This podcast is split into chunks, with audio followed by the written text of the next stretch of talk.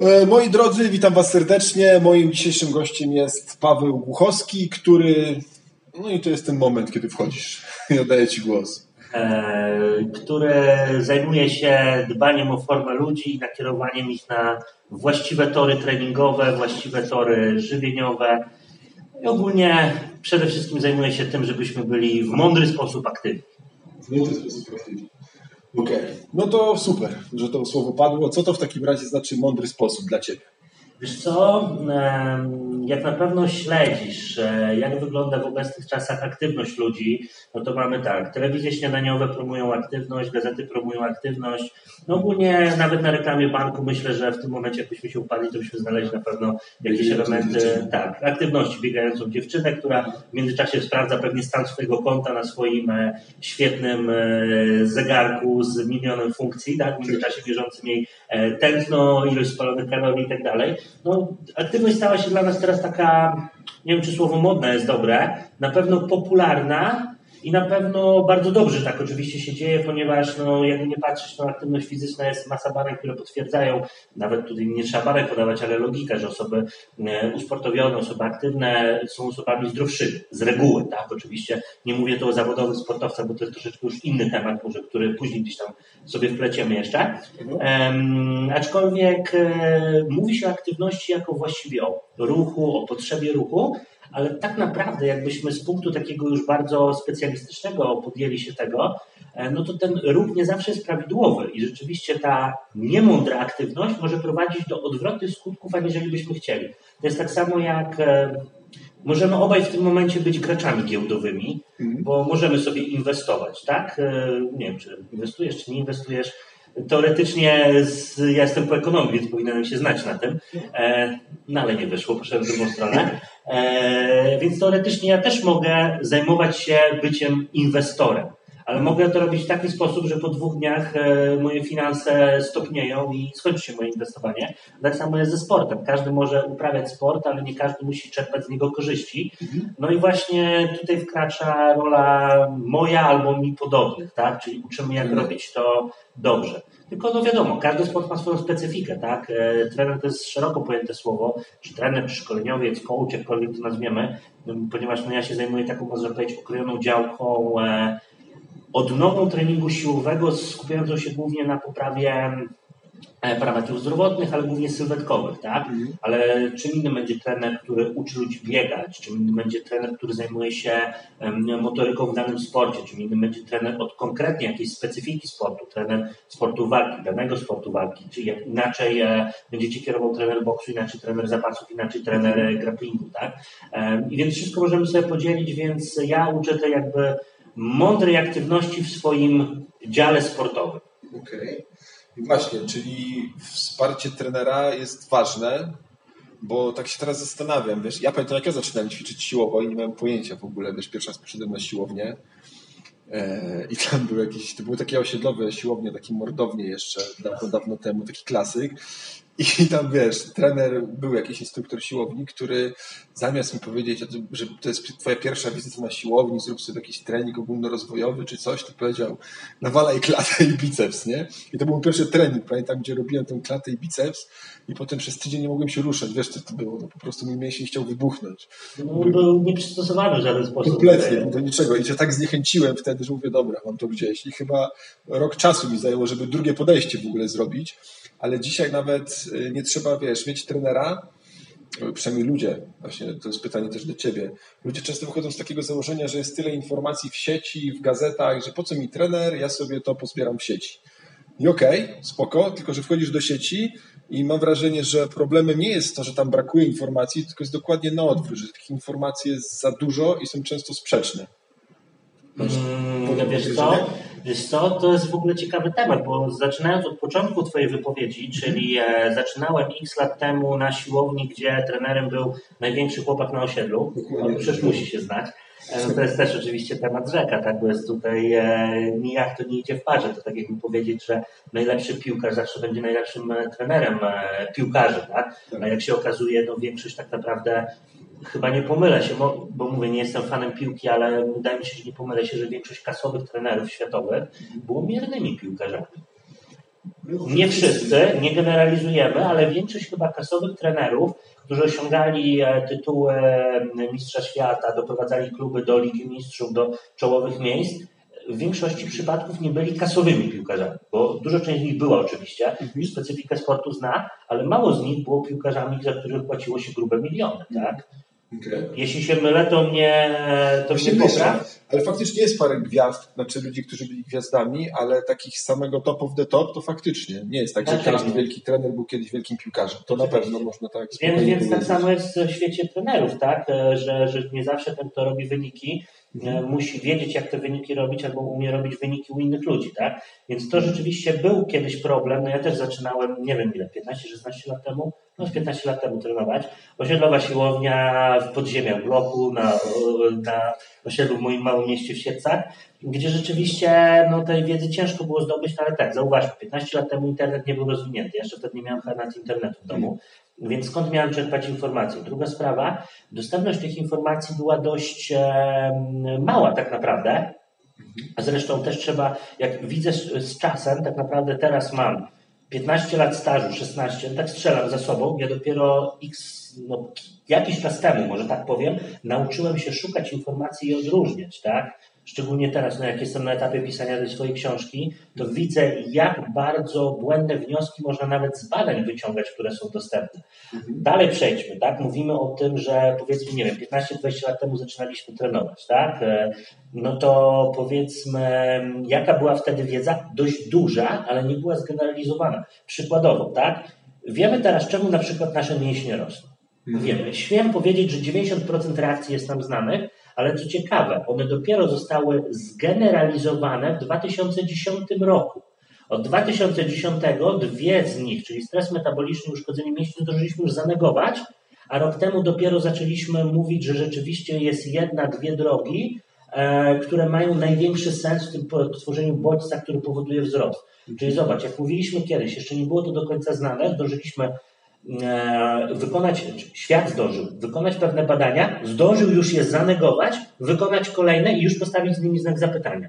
Mhm. Nowe metody, tak? Nowe powiedzmy gro ludzi, którzy zostali zainteresowani tym tematem, więc zresztą kiedyś tych informacji było rzeczywiście dość próżno szukać. Mhm. Było mniej osób, które są zaangażowane, więc automatycznie mniej osób, które mogły chcieć zgłębiać te informacje. No bo wiadomo, przykładowo, to jest, e, to jest działanie skali, tak? Jeśli powiedzmy 100 osób uprawia dany sport, z tych 100 osób mm, dwie osoby będą osobami, e, które chce wiedzieć więcej, czyli osobami, które chcą zgłębić temat.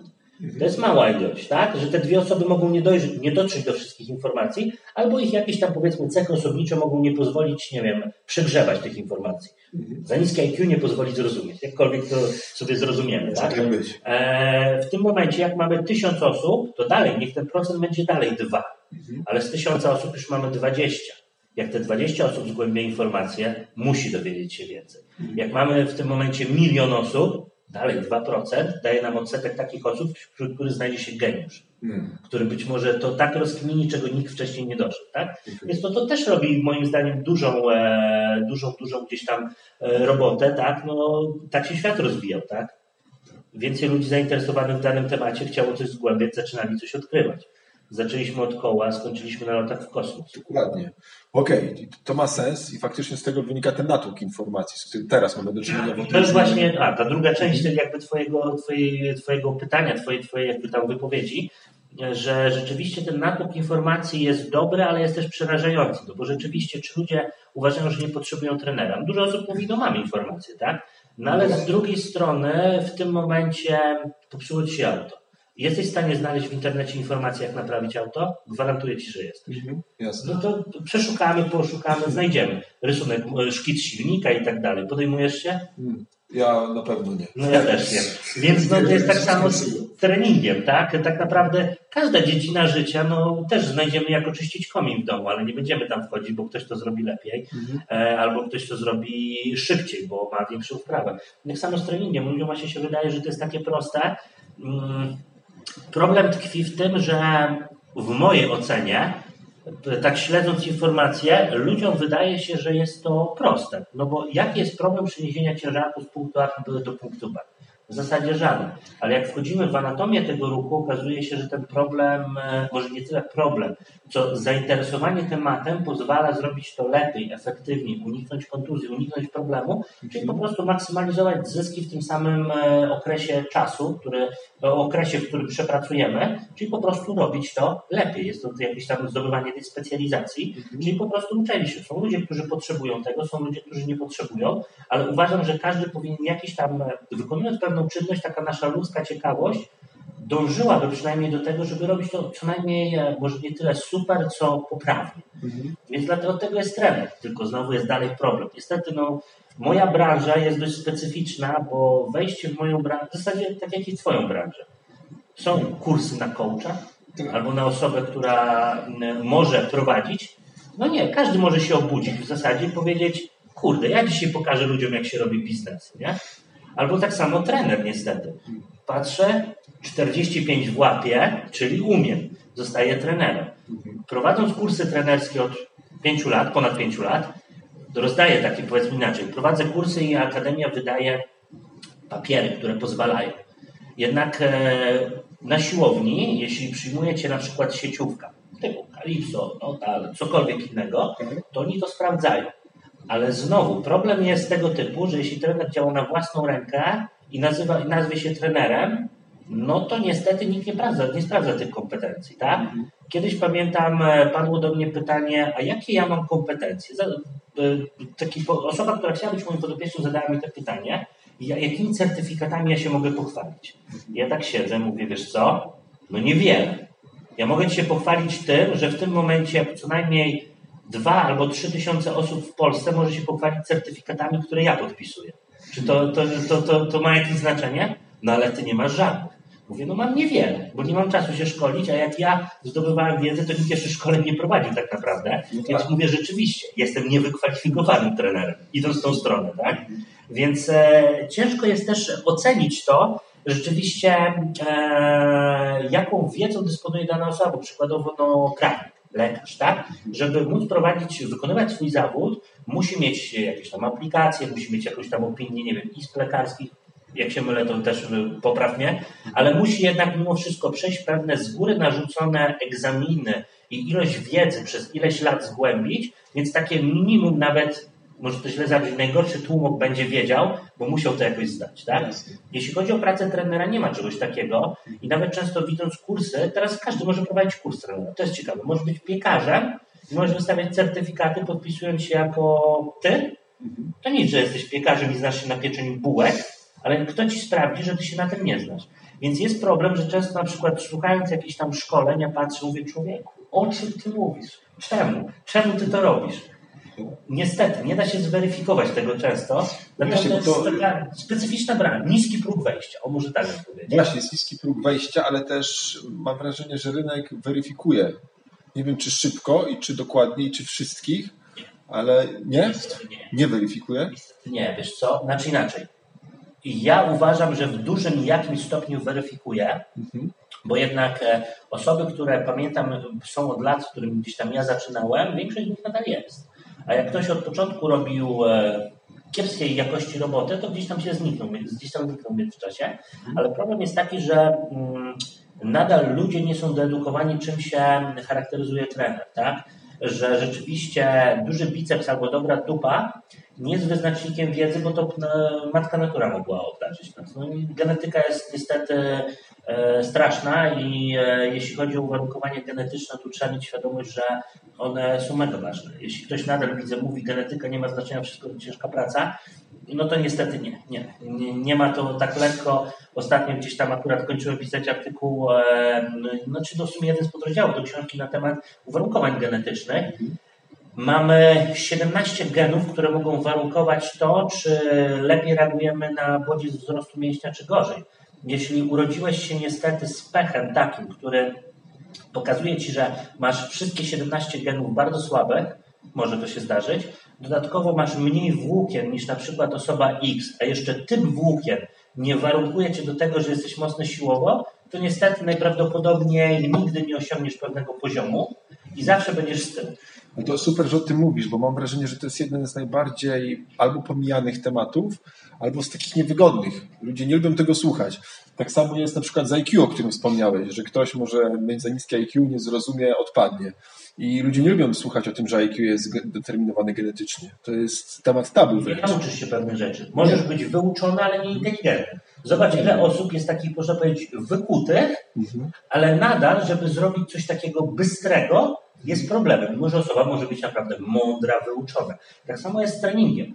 Ty, mając nawet najgorsze predyspozycje, jakie mogą być, podejmiesz się treningu, będziesz pieprzą mega ciężko, może wyjść, że ty dany stopień osiągniesz pracą x razy cięższą niż twój kolega, który jest pięknie uwarunkowany genetycznie, a być może nie, nie dojdziesz i tak do tego poziomu. Najprawdopodobniej nie dojdziesz, tak? I to jest frustrujące. To jest frustrujące, dlatego ja, ja jestem, nienawidzę motywacji. Kto mnie gdzieś tam zna i zna moje podejście, to w mojej opinii motywacja jest prosta. Jak chcesz, to robisz, jak nie chcesz, to nie robisz, tak? Oczywiście to nie jest popularne i niestety dużo ludzi potrzebuje tej zewnętrznej motywacji, żeby pobudzić wewnętrzną. Ja tego nie lubię, nie znam się na tym i nie umiem motywować ludzi.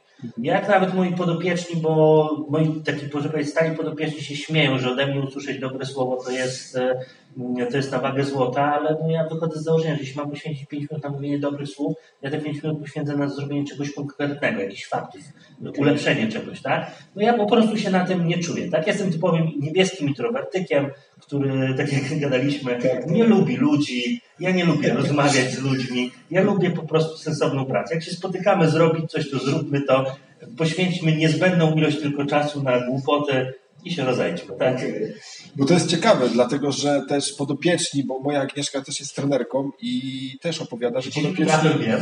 Jakoś dziwnym trafem wiesz, zresztą ją prowadziłeś do zawodów e, i też była zachwycona, kiedy powiedziałeś jakieś dobre słowo, mówił, uuu, Buchy był zadowolony dziś. Mówię, no to super, wyspał się może. Natomiast e, podopieczni często też może wymagają, nie wiem, ale potrzebują tej motywacji zewnętrznej, o której mówisz. Zgadza się, ludzie potrzebują, dlatego ja się śmieję, że ja nie jestem dla każdego. Ja jestem dla małego odsetka ludzi, którzy nie potrzebują, to albo potrafią sami, albo po prostu są na tyle zmotywowani, że wiedzą, czego chcą. No, wiem, że na przykład ja sobie swoim podejściem ograniczam dużą ilość potencjalnych klientów, mhm ale z drugiej strony ja nie narzekam na brak pracy. Zresztą no wiesz, że u mnie no jest, jest co robić. Więc e, ja nie, czyli w takim razie ja mimo wszystko zapełniam sobie ten czas, tylko pracuję z ludźmi, z którymi w zasadzie ja chcę pracować. Jeśli ja mam poświęcić godzinę pracując z człowiekiem, mówiąc e, Halina, będzie dobrze, dasz radę, osiągniemy to, to ja wolę porozmawiać z inną Haliną i powiedzieć, Halina, słuchaj, jest naprawdę kiepsko, albo podejmujemy te działania, albo nie podejmujemy. Ja często mówię ludziom na przykład, no to zróbmy to tak. Nie, nie zrobimy, bo to nie jest w mojej idei, mi to nie sprawi radości i uważam, że takie działanie jest błędne. Jeśli nie godzisz się na moje zasady, przecież nie musimy pracować. Ja nie jestem dla każdego, albo każdy nie musi chcieć ze mną pracować. Dla wielu osób jestem po prostu takim nieuśmiechniętym górem, bo jestem w większości przypadków, ale masz inne osoby. Pójdź do tych, którzy akurat cię może ich metody, które mogą być w mojej ocenie kiepskie, dadzą tyle, że osiągniesz ten cel. A moje może nawet najlepsze metody są dla ciebie nudne, więc ty ich nie wykonasz, bo cię nie przekonują, tak?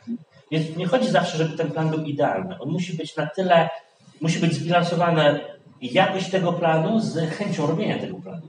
Nie każdy musi lubić ćwiczyć na siłowni. Być może jeśli chcesz rozwinąć sylwetkę, to jest najlepsze rozwiązanie. Ale jeśli nie zastosujesz rozwiązania, lepiej zastosować rozwiązanie gorsze, ale takie, które ty jesteś w długim okresie czasu w stanie wykonać, tak? Dlatego no, ludzie lubią słuchać, e, przynajmniej ja tak uważam, e, tam swojego doświadczenia widzę, nie wiem jak, jak ty masz do tego podejście, lubię, ludzie lubią takie kolokwialne głaskanie po jajkach. Hmm. Czyli będzie dobrze, damy radę, ty też to osiągniesz. Ludzie nie lubią słuchać tego, że niestety na starcie są skreśleni. No bo to jest dzisiaj tak trochę niemodne. My, my lubimy amerykański uśmiechnięty coaching, nie lubimy surowej rosyjskiej metody. Hmm.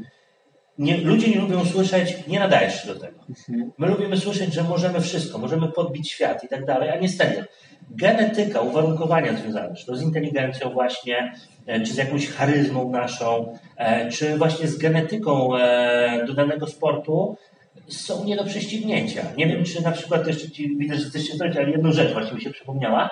E, kojarzysz Usaina Bolta. No, jasne. No, kto go nie kojarzy, no goś po prostu zniszczył, zniszczył system.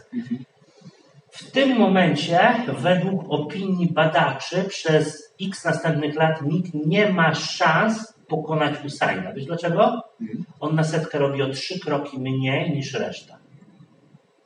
Będzie pytanie, dlaczego? W biegach jednym z głównych mięśni jest mięsień prosty uda, który pozwala wyciągnąć nogę do zgięcia, przez co masz większą siłę jej wyprostu później. Czyli pozwala tą procę naciągnąć mocniej.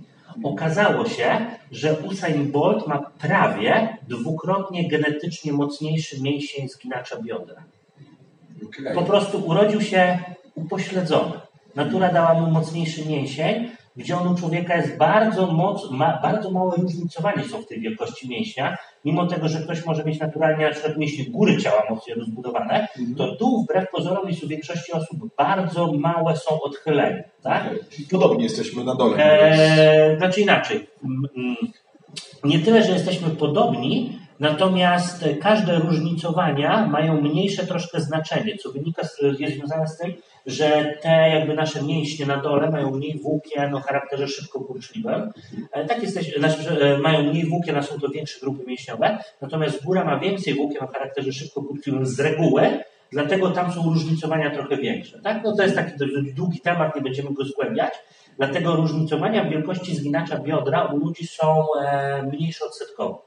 Okej. Usain wyskoczył po prostu jako freak genetyczny i jest małe prawdopodobieństwo, że znajdzie się inny tak. Jeśli pewnie jakiś na Jamajce żyje, tylko muszą go znaleźć. Tak. E, więc Musi się po zainteresować prostu, tym sportem. Tak, musi zainteresować sportem, jakiś łowca talentów e, musi po prostu go wyhaczyć. Musi się wiele rzeczy jednocześnie wydarzyć i jest małe Dokładnie. prawdopodobieństwo. Musi być prawdopodobieństwo, że akurat tego kogoś ktoś znajdzie, kto zobaczy ten talent, tak? Mm. Czyli w zasadzie łowcy talentu, jak w większości przypadków. Zmarnowanych talentów na świecie nie wiemy, ile jest w dżungli amazońskiej, tak? E, więc w tym momencie nie ma szansy, żeby ktoś treningowo wypracował e, to, co ma Usain. Przyjmujemy, że na tym poziomie każdy z biegaczy olimpijskich pracuje tak samo ciężko, ma tak same ge- genetyczne predyspozycje, czyli to jest, można powiedzieć, spotkanie frików genetycznych, ale Usain ma większy mięsień niestety. Reszta nie jest w stanie tego pokonać. Więc w tym momencie mówienie komuś prześcigniesz Usaina, to jest na zasadzie, no to ci w sumie doczepimy drugą nogę, to się uda, tak? Właśnie się zastanawiam, bo ludziom się to wydaje nieuczciwe tak naprawdę i mam wrażenie, że stąd bierze się ten, jak powiedziałeś, amerykański hurra optymizm, że możesz wszystko. Naprawdę, wszystko. Tylko się postaraj, uwierz, tam jest zachodzące słońce, biegnij. Bo wiesz, jeżeli ktoś na przykład yy, i w treningu siłowym to jest, mam wrażenie, dosyć mm, znaczące, no bo jeżeli spojrzymy na dwóch ludzi, jeden ma 1,50 m wzrostu, a drugi ma 2,10 m, to wiadomo, że ten, co ma 2,10 m jest genetycznie predysponowany bardziej do tego, żeby być koszykarzem na przykład. I z tym się nikt o zdrowych zmysłach nie będzie kłócił, no bo gość dwumetrowy ponad po prostu do koszykówki się lepiej na- nadaje, bo koszykówka to sport, gdzie wysocy ludzie wrzucają piłkę do kosza zawieszonego wysoko nad ziemią. I to jest dla wszystkich oczywiste. Z kolei, jeżeli chodzi o wyścigi konne, no to ten metr 50 i lekki jeszcze będzie lepszym jokejem i ten dwumetrowy, żeby nie wiem jak się starał, to zawsze będzie cięższy, żeby Tak. schudł, nie? I koń zawsze będzie miał większy ciężar do podniesienia. No i to jest proste, logiczne, nikt się z tym nie będzie kłócił. Ale akurat jeżeli chodzi o rozwój mięśni, to wiesz, tego już nie widać na pierwszy rzut oka. Chyba, że widać właśnie. Jeżeli widać, to na co warto patrzeć. Po czym ludzie mogą poznać, czy mają te predyspozycje genetyczne. No właśnie, to jest problem, że tego, to jest niemierzalne. Bo jak widzisz dwumetrowego gościa, to ty nie potrzebujesz wiedzy, żeby ocenić, że jemu będzie łatwiej rzucić piłkę do kosza niż 1,75 m. To jest tak oczywiste, że z tym się nie kłócimy. Natomiast, żeby rozpoznać, czy ktoś ma uwarunkowanie genetyczne na przykład do rozwoju mięśni, to jest po pierwsze, na pierwszy rzut oka niemierzalne. Śmiem twierdzić, że mam jakąś wiedzę na ten temat, która pozwoli mi to ocenić, ale ja nadal, jak widzę, powiedzmy ciebie, nietrenującego, mogę mieć, mogę się pomylić. Dlaczego? Bo genotyp i fenotyp to są dwie różne sprawy, tak? Fenotyp to jest jakby, można powiedzieć, wykorzystany genotyp. Ktoś może być szczurkiem najchudszym. Dlaczego? Bo okazuje się, że on nie był w stanie pobudzić swojej genetyki bodźcem. Okazuje się, że on pierwszy raz w życiu dostanie handlę, za tydzień przychodzi on patrzy, no człowieku, co się tobą stało, tak? Bo pobudził gen. Niestety my tego nie ocenimy na pierwszy rzut oka i można by było oczywiście przeprowadzić biopsję mięśni każdemu urodzonemu dziecku. No ale tego nie będziemy robić, bo to jest, mierzy się z tym, żeby igłę w każdym mięsie wbijać, pobie- pobierać skrawki mięśnia, badać genetykę i tak dalej, chociaż z tego co wiem, gdzieś tam w Norwegii próbowano to wprowadzić i gdzieś tam chyba w Rosji kiedyś właśnie robiąc badania na temat właśnie predyspozycji to robiono, ale to było, to było po prostu no, no obóz, tak? Człowieka obkuwali z każdej strony, że już potem miał dość wszystkiego. Miał sportu dość całe życie. To nie jest fajne. Nie jest to cholernie drogie, jest to też nie zawsze mierzalne, bo jeszcze wiesz, do sportu jest jeszcze jeden element niemierzalny, nazywa się psychika. Mhm. Może być najlepszy genetyk, który nie jest w stanie znieść obciążeń psychicznych związanych ze sportem, na przykład utrzymania sztywnej diety, bo ktoś lubi jeść. Mhm. No tak ma. Mhm. I już w tym momencie on się nie nadaje. A nie ocenimy tego też zero-jedynkowo, więc wiesz, no ile jest osób, które um, o, to jest chyba dobry pomysł. E, dobry, dobry przykład. E, teraz na topie jest ten film Netflixa o Michaelu. A, jeszcze nie widziałem. Nie widziałem, tak. nie widziałem też, e, dopiero się zbieram do niego, ale tak, Michael był zajebisty. To nie ulega wątpliwości, tu stawiamy kropkę, ale co ciekawe, Michael, jak się okazuje, był strasznym skurwielem. On był psychicznie tak, tak nastawiony, wiesz, tak jak taki przecinek na zwycięstwo. Tak, jak się y, gdzieś tam e, czytałem bardzo fajną opinię o tym filmie, że jakby w tamtych czasach był Instagram i by ludzie zobaczyli, jaki jest Michael, to by go nie pokochali. Hmm. Bo musieli zobaczyć, że on jest po prostu hamem strasznym. Ale to jest gość, który był tak psychicznie nastawiony na sukces, że on był w stanie zdeptać każdego, żeby go osiągnąć. Hmm. Gdyby najpierw, możliwe, to jest domniemanie, hmm. jakby Michael był psychicznie taką ciapą, to nawet jego idealny gen by gdzieś tam był w międzyczasie zdeptany, bo przykładowo Michael był zajebisty w latach 90. Dlaczego? To jest też ciekawa opinia, którą wyczytałem. Oczywiście znawcy koszykówki z tamtych lat mogą się nie zgodzić, mogę się mylić, ale bardzo mi to, ta, ta opinia trafiła do mnie. W latach 80. Michael był na początku swojej kariery, ale w, w, czy tam początek lat, początek e, 90. był początek tej jego kariery, gdzie on się rozwijał ale był stłamszony, bo było zajebiście mocne składy były. Czyli on tak jakby był e, wśród ludzi wow. Czyli on był przeciętniakiem. Co by się stało z, e, podstawowym gościem, który jest taki słaby charakternie? O kurwa, nie nadaje się, oni są zajebiści, a tacy mm. słabi. A jebać to, idę pracować do McDonalda. Mm. A gość trafił się do później, odeszła ta mocna gwardia i okazało się, że on został najmocniejszy przetrwał burzę i w pewnym momencie wyszło, że on jest najmocniejszy. Były domniemania, że wtedy nie było dobrych zawodników, więc on po prostu miał łatwą drogę. Nie wiem, nie znam się na koszykówce. Śmiem twierdzić, że jestem jakieś ziarno prawdy. Ale tak czy inaczej cofamy się do tego, że on trafił się w czasy, kiedy musiał przetrwać nawałnicę, po czym wyszedł, bo był tak zdeterminowany. Ja myślę, że to jest mega ważny temat, który teraz poruszyłeś, bo z jednej strony ten amerykański hura optymizm i mówienie, że możesz wszystko jest zgubne, bo niektórych rzeczy faktycznie nie możesz, ale z drugiej strony jakby Michael odpuścił, to mimo tego, że miał gen, nie osiągnąłby tego, co osiągnął. I teraz bardzo ważne pytanie akurat w mojej pracy, bo ja pracuję nad tym, e, nad, nad głowami ludzi głównie, to jest właśnie to, żeby nie wpaść w pułapkę zamrożonej konsekwencji. Czyli ok, zaangażowałem się w coś pół roku, rok, półtora roku, nadal nie mam wyników, no i pytanie, czy mam odpuścić, czy mam cisnąć dalej? I to jest bardzo trudne pytanie, bo ciężko jednoznacznie stwierdzić, jaki okres czasu na próby możesz sobie przeznaczyć. Czy już masz odpuścić, czy jeszcze cisnąć przez rok, dwa, dziesięć lat? Bo wiesz, jeżeli na przykład ockniesz się w wieku 40 lat, że no jednak chyba się do tego nie nadaje, a właśnie 15, ale nie, albo że zaangażowałeś się w coś i w wieku 40 lat jeszcze nie masz efektów, no. wiesz, to trochę, no 15 lat może trochę zmarnowany, nie całkiem, ale wiesz.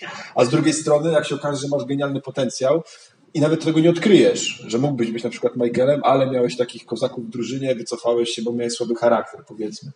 To jest, to jest to, to, jest, to jest właśnie to, co jest plusem w takim amerykańskim myśleniu, ten American Dream, um, aczkolwiek, to, ale aczkolwiek jest to zgubne, bo uważam, że ludzie hmm, teraz powiem, słuchacze się obrazu. Ludzie są z natury mało inteligentni.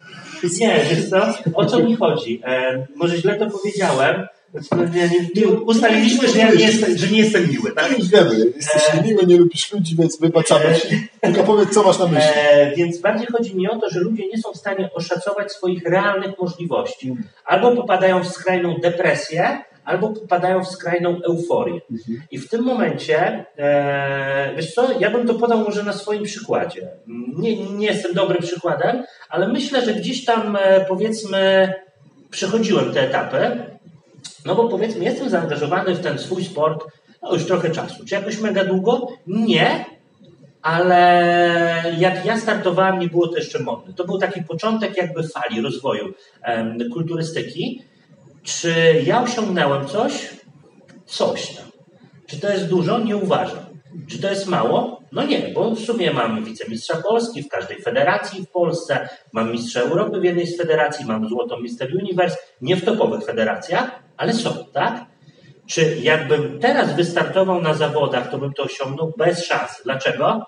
Ja startowałem, kiedy konkurencja była mniejsza. Więc można powiedzieć, wślizgnąłem się w kiepskich czasach, gdzie miałem szansę być dobry, gdzie wyglądałem dużo gorzej niż teraz, a teraz podług ludzi, którzy zdobywają medale, wyglądam naprawdę słabo. Nie mam genetyki. Ja naprawdę, moja genetyka jest strasznie kiepska, ale ciężką pracą uważam, bo zapieprzałem grubo, doszedłem do pewnego poziomu, gdzie zdałem sobie sprawę, że nie, niestety, no mam kiepski gen, ale z drugiej strony sprawiało mi to radość i powodowało, że wkręcałem się w ten temat i w pewnym momencie zacząłem się tym bardziej interesować tą stronę szkoleniową, naukową, którą robię teraz. Ja teraz się śmieję, że ja teraz mogę być zapasionym grubasem, ale ja i tak w tej branży będę swoje robił, bo ja już nie sprzedaję sylwetki, tylko sprzedaję informacje. Czyli można powiedzieć, że przez ten okres czasu, tak przynajmniej ja to e, oceniam na bazie też no, opinii ludzi, więc gdzieś tam mogę nieskromnie powiedzieć, że poszedłem bardziej w tą topową stronę polskiej nauki w, w swojej dziedzinie. Bo uważam, że gdzieś tam no, staram się to robić na tyle dobrze, że ma to sens. Przynajmniej no, jeśli ludzie czerpią oceniają to jako dobra wiedza, to chyba mogę to powiedzieć. Ale doszedłem to, uświadamiając sobie, że ja nie mam szansy jako sportowiec, a bardziej jako szkoleniowiec. Ale gdybym nie był zawzięty na początku, że chcę być tym sportowcem, to pewnie bym nie doszedł do tego, gdzie jestem teraz, nie poszedł, tą, nie odbił jakby z tej ścieżki, tak? Okay. Więc, e, tylko że w pewnym momencie ja sobie zdałem sprawę, Paweł, no nie będziesz mistrzem świata. Daruj, już, już, idź, poczytaj książkę. Idź se poćwicz, poczytaj książkę i szkol ludzi. Więc, I tu miałeś na myśli mówiąc, że ludzie nie są inteligentni, że nie potrafią odkryć tego momentu, kiedy powinni odpuścić. Tak, tak? albo może wiedza, którą zdobyli, albo zajawka, albo wkręcenie się i poznanie danej branży powoduje, że może w tej branży mogę coś innego robić na bazie wiedzy, którą mam, tak? Mhm. Czyli, czyli znowu, trenerzy piłkarscy. Jest w tej czwartej lidze, ale ma fajne pomysły, co zrobić, żeby lepiej, żeby osiągać wyniki, ale zdał sobie sprawę, że on tych wyników nie zrobi, bo jest za słaby genetycznie. Ale zobaczył, że jak doradza ludziom, to ci ludzie zaczynają robić wyniki. I wtedy taki osobnik sobie zdaje sprawę, kurde, to może ja zacznę trenować ludzi. Nie siebie, bo moje met... wykorzystanie moich metod na mnie daje 10% sukcesu, a wykorzystanie moich metod na Janku daje 50% większego sukcesu, bo Janek jest lepszy to skupmy się, żeby Janek odniósł sukces, a ja będę szkolił Janka. Okej, okay, czyli ty rozpoznałeś ten moment, żeby wycofać się ze sportu tak, się wydaje, że trafiłem w to. Mhm. I zająć się właśnie od naukowej strony bardzo podchodzisz, bo też ty jesteś dla mnie no dla mnie jesteś najbardziej merytorycznym trenerem, z jakim miałem do czynienia, bo byłem na Twoich chyba już trzech warsztatach. I pamiętam, że na jednym z nich powiedziałeś, że nie rekrutuję wystarczającej ilości wysokoprogowych jednostek motorycznych. Nie zrozumiałem nic z tego zdania, i powiedziałem wtedy, uuu, Dobra, tutaj będziemy rozmawiać o poważnych rzeczach. Widzę, że gość naprawdę tnie zagadnienie na kawałki, przegląda się każdej części pod mikroskopem. Albo przynajmniej dobrze Wikipedię czyta. Więc chciałem zobaczyć, czy to są tylko takie ładne etykietki, które mądrze brzmią, no ale jak przyszedłem na warsztaty, to zobaczyłem, że za tym się kryje naprawdę konkretna wiedza na temat tego, jak działa ludzki układ ruchowy w skali naprawdę mikroskopijnej. Dzisiaj zresztą rozmawialiśmy o tym a propos twojej książki. E, I to jest twoją pasją, rozumiem, bo ty lubisz zrozumieć, jak rzeczy działają naprawdę. Tak, tak. Ja lubię to zgłębić, bo wiesz co, lubię zadawać pytania czemu. Czemu tak działa? No bo tak działa, ale czemu? Musi mieć jakiś argument. Jeśli ktoś nie ma argumentu, to jest tylko tezą, Czyli, czyli, czyli jednocześnie możemy się podejść teraz do okna, jesteśmy na piątym piętrze i powiedzieć moją tezę, że ja w sumie jak rozłożę tak ręce, to będę miał opór powietrza po lecę, tak? Mhm. Co się nie stanie, ale myślę, że przy dobrych argumentach jesteśmy w stanie kogoś przekonać, że tak będzie. Mhm. Dlatego wiesz, no ja lubię zadawać pytania, bo mnie to po prostu interesuje, dlaczego tak działa od najmniejszego szczegółu. E, no i gdzieś tam powiem Ci, że naprawdę w pewnym momencie zdałem sobie sprawę, że zamiast pójść na trening wolę poczytać. Były takie momenty i sobie zdałem sprawę, no kurde, jeśli mi się to podoba, to po cholerę ja mam się zażynać w czymś, co najprawdopodobniej nie da mi i tej satysfakcji, chociaż no cały czas jestem aktywny, nie teraz, bo kontuzja mnie wykluczyła na trochę, mhm. ale lubię trenować. Wiem, że na tym trenowaniu nie zarobię złotówki i nie utrzymam rodziny, a zobaczyłem, że na tym, co robię ze strony takiej stricte szkoleniowej, jestem w stanie utrzymać rodzinę i to uważam całkiem nieźle mi idzie nawet. Nie, nie narzeka nic. E, więc jeśli coś mi daje efekty, coś mi daje satysfakcję, to w pewnym momencie pogrzebałem ambicje sportowe i powiedziałem sobie, Paweł, Siądź i sobie pomyśl, co ty kurwa lubisz robić? Co ci sprawia No w sumie lubię sobie poczytać, lubię jak usłyszeć, kurde gościu, no, no masz łeb, tak? Niż gościu, masz dobry biceps. Jakoś ten masz łeb mi bardziej zaczęło pasować. No więc trzeba robić to. Jeśli to wychodzi, no to w tym momencie poświęcony czas można powiedzieć, no dobra, no to zmarnowałeś 8 lat swojego życia na startowanie, bo 8 lat temu, 9 prawie, e, wystartowałem pierwszy raz na zawodach, no zmarnowałeś. No nie, bo w sumie to mi dało w końcu ten okres czasu dał mi pewną wiedzę, może mógłbym to zrobić wcześniej, ale może nie byłem na to gotowy psychicznie. Może wtedy bym tego nie podjął, tak? Więc dało mi to taki wstęp, że teraz jestem gdzie jestem. Więc w sumie uważam, że no całkiem i tak szybko ogarnąłem to.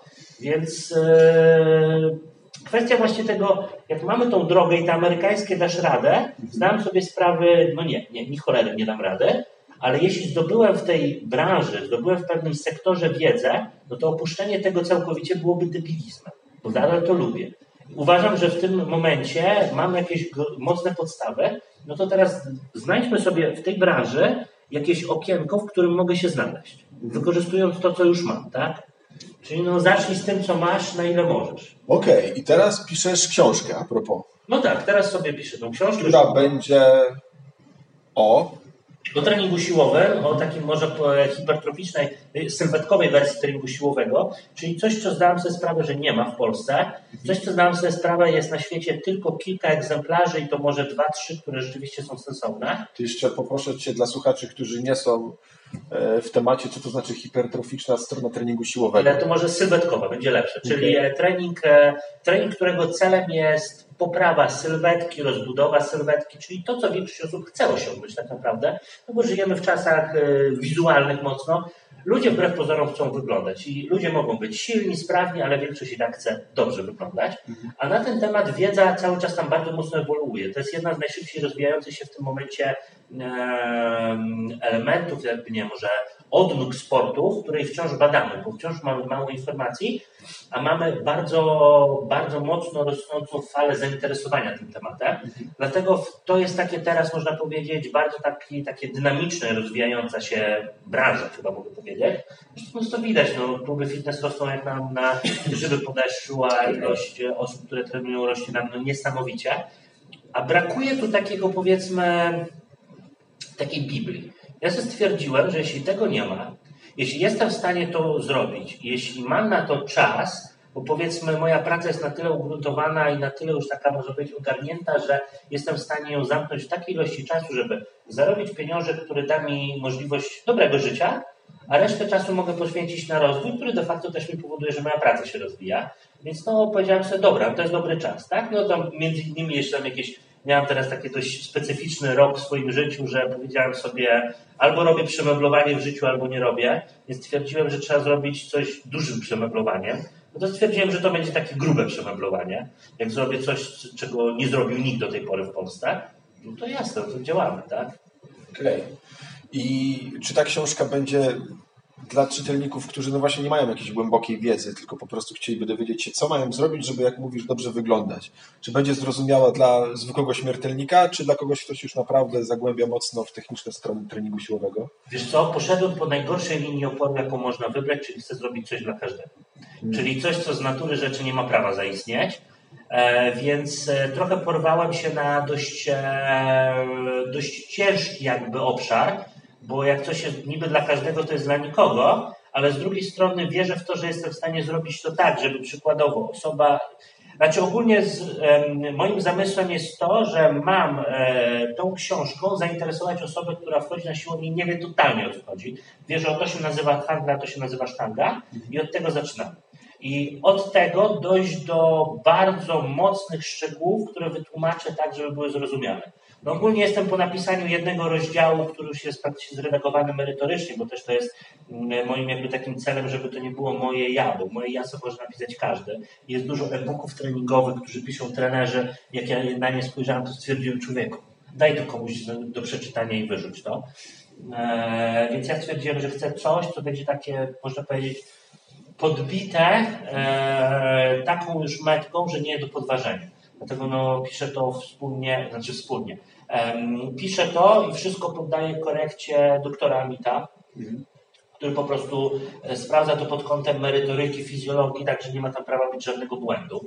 E, więc, więc to też jakby wydłuża mi czas pracy i trochę też wyrzuci też moich jakby takich zapędów, więc, więc wtedy mam pewność, że ta książka oczywiście będzie na jakości akademickiej, wysokoakademickiej, a na tym mi zależy, bo tak jak mówię, napisać sobie może każdy teraz i powiedzieć, ja mam rację ale nie każdy ma podstemplowanie tego, że rzeczywiście tą rację ma i w tym momencie coś jest stworzone ponad. Tak? To jest taka mikrobiblia, chciałem, żeby była. Więc no mówię, porywam się na coś, e, żeby na coś dość trudnego, bo chcę, żeby to było dostępne dla każdego. I tak jak mówię, mam nadzieję, że mi się to uda, tym bardziej, że to właśnie jeden rozdział dam do przeczytania mojej mamie. O. No totalnie oczywiście moja mama jest pielęgniarką, więc coś tam się zna, ale nie w tych tematach. I ona tak siedziała i mówi, to, to, to, to nie jest trudne. No. W zasadzie jak tu objętość tak liczymy to to, tu powtórzenia, to w sumie to jest takie sensowne, nie? Więc jeśli nadałem to swojej mamie, która to zrozumiała, dałem to grafikowi, który totalnie nie ogarnia tematu i mi w sumie powiedział, że potem y, powiedział, że no w sumie już by tak trening nawet rozpisał i gdzieś tam pokazał mnie, mówię, ty, no całkiem nieźle, nie? Więc uważam, że gdzieś tam jednak da się to um, tak zbilansować. A druga sprawa, wiem, że większość osób, które mienią się zaawansowanymi, I tak znajdzie tam dużo, bo gdzieś tam na moje szkolenia przychodzą często trenerzy i to trenerzy nie z pierwszej łapanki, którzy po szkoleniach mówią, no kurde, no zrobiliście rewolucję, nie? Więc uważam też, że wtedy jestem w stanie też obalić na taką ilość mitów, które nastały, że i osoby zaawansowane po przeczytaniu tego powiedzą, no zajebiste. Okay. Czy ona będzie skupiona tylko na treningu, czy na treningu i diecie? Nie, w ogóle nie ruszam tematu diety. W ogóle nie. nie. Temat diety jest w Polsce, uważam, bardzo dobrze ogarnięty. Mamy gro świetnych dietetyków. No sam się zajmuję żywieniem, mimo że dietetykiem nie jestem, e, bardziej żywieniowcem sportowym, tak bym to nazwał, bo, bo nie mogę się nazywać dietetykiem, bo nie mam skończonych studiów dietetycznych. E, ale akurat mamy w Polsce, jeśli chodzi o dostęp do wiedzy żywieniowej, e, dużo, dużo, dużo dobrej wiedzy, więc uważam, że po pierwsze, powielanie tego, co jest zrobione dobrze, jest po prostu marną kopią, więc chciałem trafić w tą e, niszę i w tą lukę, której nie zapełniał nikt i którą ja lubię, bo bardziej mnie to interesuje, gdzieś tam już mam dość gadania o żywieniu. Wolę pogadać o rzeczach, które mnie bardziej fascynują, czyli trening. No druga sprawa, no gdzieś tam Uważam, że mamy na tyle dobrych doktorów dietetyki, którzy z racji już swojej kwalifikacji są w stanie być lepszymi opiniami. Okej, okay. bo pytam o tę dietę dlatego, że zauważyłem, że ludzie, którzy chcą zacząć trenować, yy, tu się najczęściej wywalają, bo wiesz, patrzą na gościa, który ma kratę na brzuchu na okładce sportowego magazynu i myślą, że sześciopak się robi na siłowni, co jest prawdą, ale tylko w połowie, bo żeby odkryć mięśnie brzucha trzeba odpowiednio jeść. I żeby w ogóle mięśnie ci urosły, trzeba odpowiednio jeść. I żeby schudnąć, trzeba odpowiednio jeść. A ludzie cza czasem traktują te dwie rzeczy osobno. E, tak, masz rację, ale ja z drugiej strony uważam, że właśnie ludzi błędem jest to, że nie umieją trenować. E, bo... A, czyli ludzie częściej źle trenują niż źle jedzą? Ja uważam, oczywiście, żeby schudnąć trzeba mniej jeść. I kropka. Tak? To jest proste. Ale żeby zbudować ładną sylwetkę, trzeba już umieć nakierować ten bodziec, a tego uważam ludziom brakuje. Bo ludzie, ludzie są wbrew pozorom, w mojej opinii, doedukowani żywieniowo. O tym się mówi wszędzie, mimo tego, że jest masa bzdur mówionych, ale jest też masa dostępnej, rzetelnej informacji, takiej naprawdę top. E, mam paru znajomych, którzy się tym zajmują e, i robią świetną robotę. Uważam, że robią tak zajebistą robotę i to więcej, mają też pewne zasięgi, które pozwalają edukować im tłumy. Natomiast o treningu dobrym mówi się mało, dlatego ja uważam, że te popularne hasło 70% dieta, 30 trening jest złym hasłem, bo wbrew pozorom, żeby zbudować odpowiednią sylwetkę, trzeba rozwinąć mięśnie. Trzeba dostarczyć więcej kalorii, czyli więcej białka i więcej ogólnie energii. Ale z drugiej strony, żeby zbudować tą sylwetkę, najpierw trzeba dać pewien bodziec. I tu jest problem. Jak dać ten bodziec? Samo przerzucenie ciężaru, a przerzucenie ciężaru jest już pewną różnicą. Jest tu dużo takich implikacji, które uważam są nieporuszane, Eee, I przykładowo, dostajesz plan od trenera i tam jest najczęściej wyciskanie na ławce poziomie 4 razy 10 4 razy 20, 4 razy coś. Uważam, że to jest pierwszy błąd, jaki jest robiony w większości planów. Przecież to nie są jedyne zmienne. Taki plan 15 lat temu, co ci mówiłem. Znaczy, dalej, to są najbardziej popularne plany. Ode mnie sami cały plan, człowiek, o co tu chodzi? No nie, ja ci w końcu wymieniłem zmienne. Jest skala RPI, zbliżenie się do upadku, czy robisz taką rezerwę powtórzeń, czy taką. Do tego masz tempo pracy każdej fazy, ekscentryki, koncentryki, pauzy górnej, pauzy dolnej, to też jest ważne. Masz do tego długość przerw, która determinuje to, czy te wcześniej wymienione jednostki motoryczne zrekrutujesz. Z kolejnymi zmiennymi jest zakres ruchu, czyli ten popularny ROM, kolejność ćwiczeń, dobór ćwiczeń, regionalizacja pracy. I później robią się gały, to tyle tego jest? No tak. I Nagle w tym momencie, stało się i w tym skomplikowane. momencie wychodzi, może nie tyle skomplikowaną, co wychodzi do tego, że jedna zmienna podług pięciu albo sześciu, które powinny być określone, to jest troszeczkę za mało. Do tego dochodzi to wyciskanie, gdzie można tutaj dalej rozkminiać to, jak ma pracować ramię względem tułowia, jak ma tu wzajemna być korelacja mięśni, że wyciskanie powyżej 15 powtórzeń nie ma sensu pod kątem klatki, bo angażujemy na ramienne, że wysokie zakresy wyciskania, zbliżenia się do upadku albo wysoki ciężar powoduje, że trójgłowy ramienia jest dominantem, a nie klatka piersiowa. I o tym się nie mówi, tak? Więc dlatego ja uważam, że ludzie żywieniowo są dość mądrzy. Jak już pojechałem po ludzie, że są mało inteligentni, że żywieniowo są mądrzy. E, natomiast treningowo uważam, że jest kapota straszna. Jak patrzysz po siłowni, to sporo osób źle wykonuje ćwiczenia? E, Wiesz co, e, jak idziemy na siłownię, dojebie się do każdego. Nie, ja się śmieję, tak jak czasami na dole trenowaliśmy Aha. e, na Kalipso, e, no to wiesz, no to jest taki u nas na siłowni luźny klimat, gdzie no z trenerami No tak. wszystkimi się zna, znamy, robimy, no to często Mateusz właśnie przychodzi i mówi, człowieku nie patrz się, bo ty masz wzrok na zasadzie ja pierdolę już chcesz podejść do człowieka. Mówię, no bo ja do każdego mogę coś powiedzieć, wiesz, ja się śmieję z tego, że to jest takie już trochę, e, można powiedzieć, czepianie się, ale tak, uważam, że u każdego jest w stanie coś zmienić, e, coś poprawić, coś ulepszyć. U niektórych naprawdę bardzo dużo, mówię, no nie bawimy się tu zbawcy świata, tak? Nie chodzi o to, ale uważam, że tu jest najwięcej błędów robionych, czemu ten progres jest zaburzony właśnie. No właśnie, bo to też łatwo sobie zrobić y, krzywdę na początku treningu. Też uważam, że dlatego trener jest bardzo ważny, bo ja dopiero jak dostałem trenera na siłowni, dobrego wreszcie trenera, e, to się dowiedziałem, że przez 20 lat źle robiłem przysiad, bo mnie w podstawówce nauczyli robić przysiad No pochyleniu do przodu na palcach, wiesz, a się okazało, że dokładnie nie tak. Tak, tak, no to jest... No, gdybym tego się nie dowiedział i zaczął z ciężarami większymi trenować, no to prawdopodobnie kontuzja byłaby tylko kwestią czasu.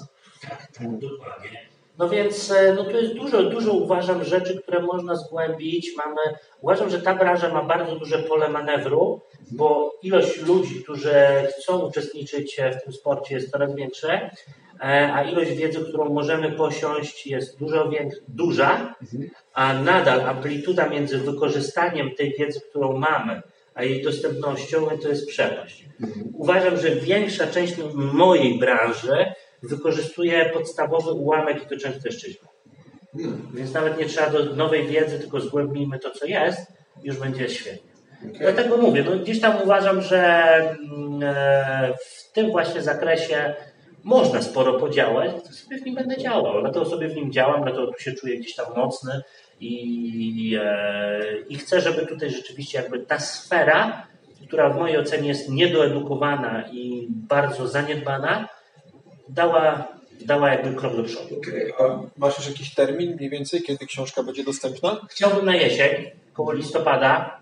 Czy mi się uda? Powiem tak, przez tą nogę obecnie kontuzję trochę mi się wydłużyło, pisanie po prostu jest tu niewygodne. E, Druga sprawa, no, przez okres wakacji muszę wcześniej rezerwować druki, bo ja chcę książkę w formie książki. Ja lubię książkę, ja lubię książkę, nie lubię e-book. Ja jestem Lubię wąchać papier. Dokładnie, no ja nie, nie mam węchu, więc ja nie czuję. Jaki masz wąch? Ja nie czuję zapachu. Co ci się stało? Zawsze nie czułeś? Osiem lat kickboxingu zrobiło swoje. A, ty może musisz sobie zoperować coś. Operowany, to już się nie odzyska, Tak? nerwy powybijane. Bo Joe Rogan powiedział, on też trenował bo- kickboxing przez wiele lat i mówił, że No tak to ogólnie tam był zaangażowany sportów. no, ale trenował właśnie taekwondo, kickboxing i w wieku 40 lat dopiero zrobił mu operację nosa, wyjęli tam pogruchotane chrząstki i wreszcie w wieku 40 lat powiedział, że pierwszy raz mógł, wiesz, wziąć wdech i poczuć zapach. Nie. Nerwy gdzieś tam były pobijane. Ja zawsze słaby miałem ten węch od małego, Okej. a później jeszcze parę połamań. Nie wiedziałem tego.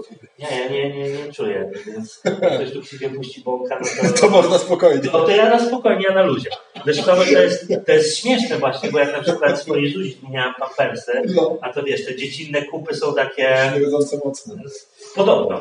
Podobno. Czytałeś w internecie. E, tak, mówią wszyscy. I była sytuacja, że tam była jakaś pamiętam wtedy impreza w domu, no i Zuzia się po prostu zesrała. I to były takie, wiesz, ta kupa niemowlęca, ale taka na grubo, taka aż pod szyjkę jakby leciała z tyłu. Czyli taka powiedzmy takie pełne zasranie dziecka. takie popachy. Eee, I wiesz, wszyscy, Jezu, jest. Otwiera, patrz. No brzydko to wygląda. Jak ty możesz tu trzymać? Mówię, zero problemu. Ja po prostu widzę brzydką kupę.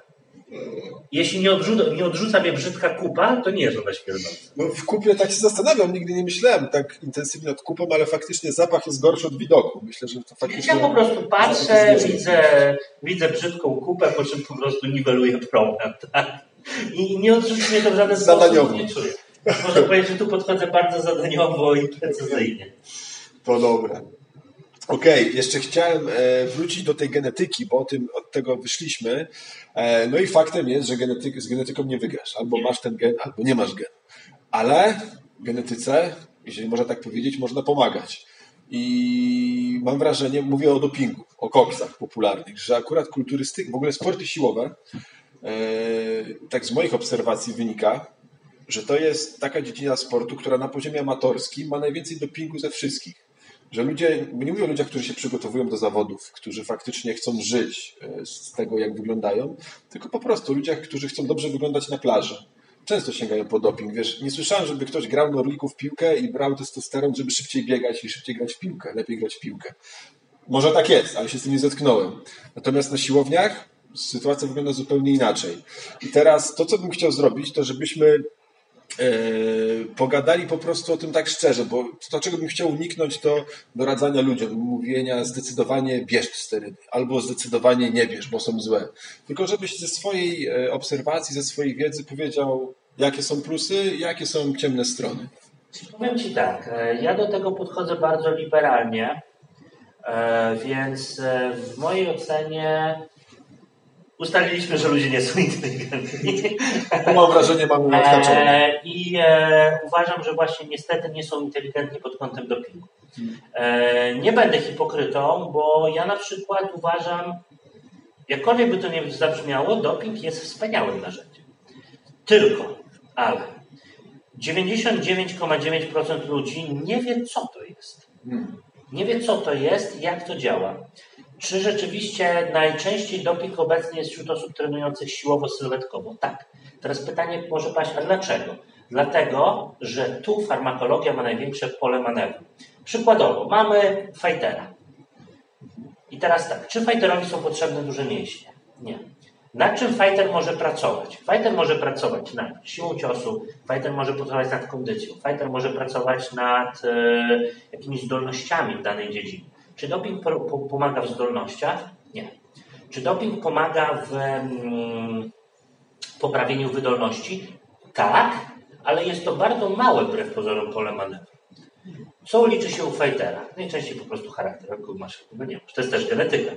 Charakter do walki to jest też genetyka. To jest odporność na stres, to jest adrenalina, to jest odporność na uderzenia, to jest odporność szczęki, to jest, y, mówię, no fighterzy będą tu na pewno jeszcze więcej atutu e, mogli wymienić, ale jednak mimo wszystko, tak jak się często śmieje, e, śmieje się, są takie, nie wiem, czy spotkałeś się z popularnym hasłem, e, dokoksował, ale nadal jaja ma jak No tak. bardzo często się tak o tym mówi. To jest fakt, to jest fakt. Niestety tego się nie zmieni, to jest ten charakter. Więc w wielu sportach pewne inne predyspozycje, na które nie wpłyniesz farmakologią, są ważniejsze.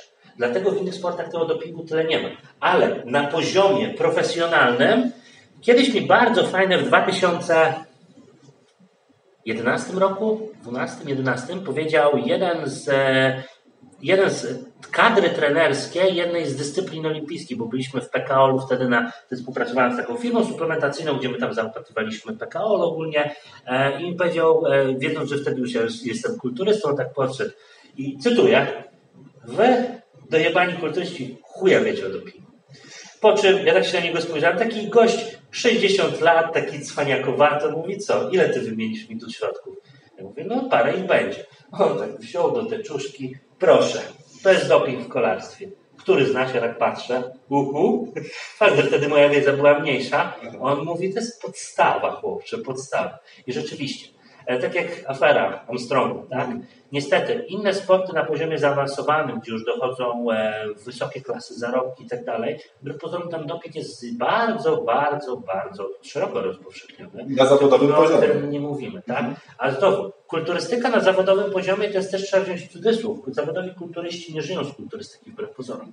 To nie jest opłacalny sport. Zarabia Olimpia, zarabia tylko taki, można powiedzieć, top of top tych osób, a resztę tak naprawdę dokładnie. Ja w życiu zarobiłem na poziomie amatorskim 300 zł na kulturystyce. Raz. 300 zł, naprawdę.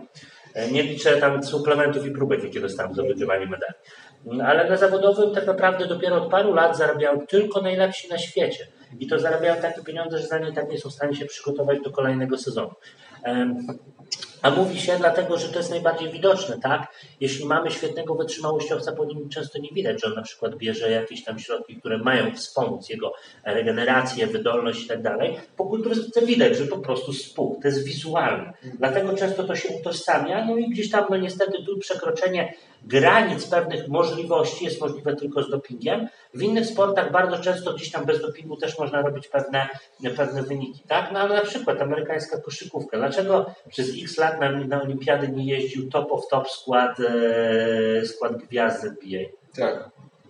Bo w NBA nie ma Testów. Tak, tak, tak. A w kadrze, zobacz, była kadra z USA, każdy się patrzy, kurwa, kto to jest? Przecież to są gracze rezerwowi, tak? Dlaczego? Bo top of top, on nie będzie na jakieś fu, olimpiady marnował sezonu w NBA. Dla nich to było ważniejsze. A niestety tam chłopaki grubo lecą, ale też mają na to kasę, lekarzy, dostęp do wiedzy, tak?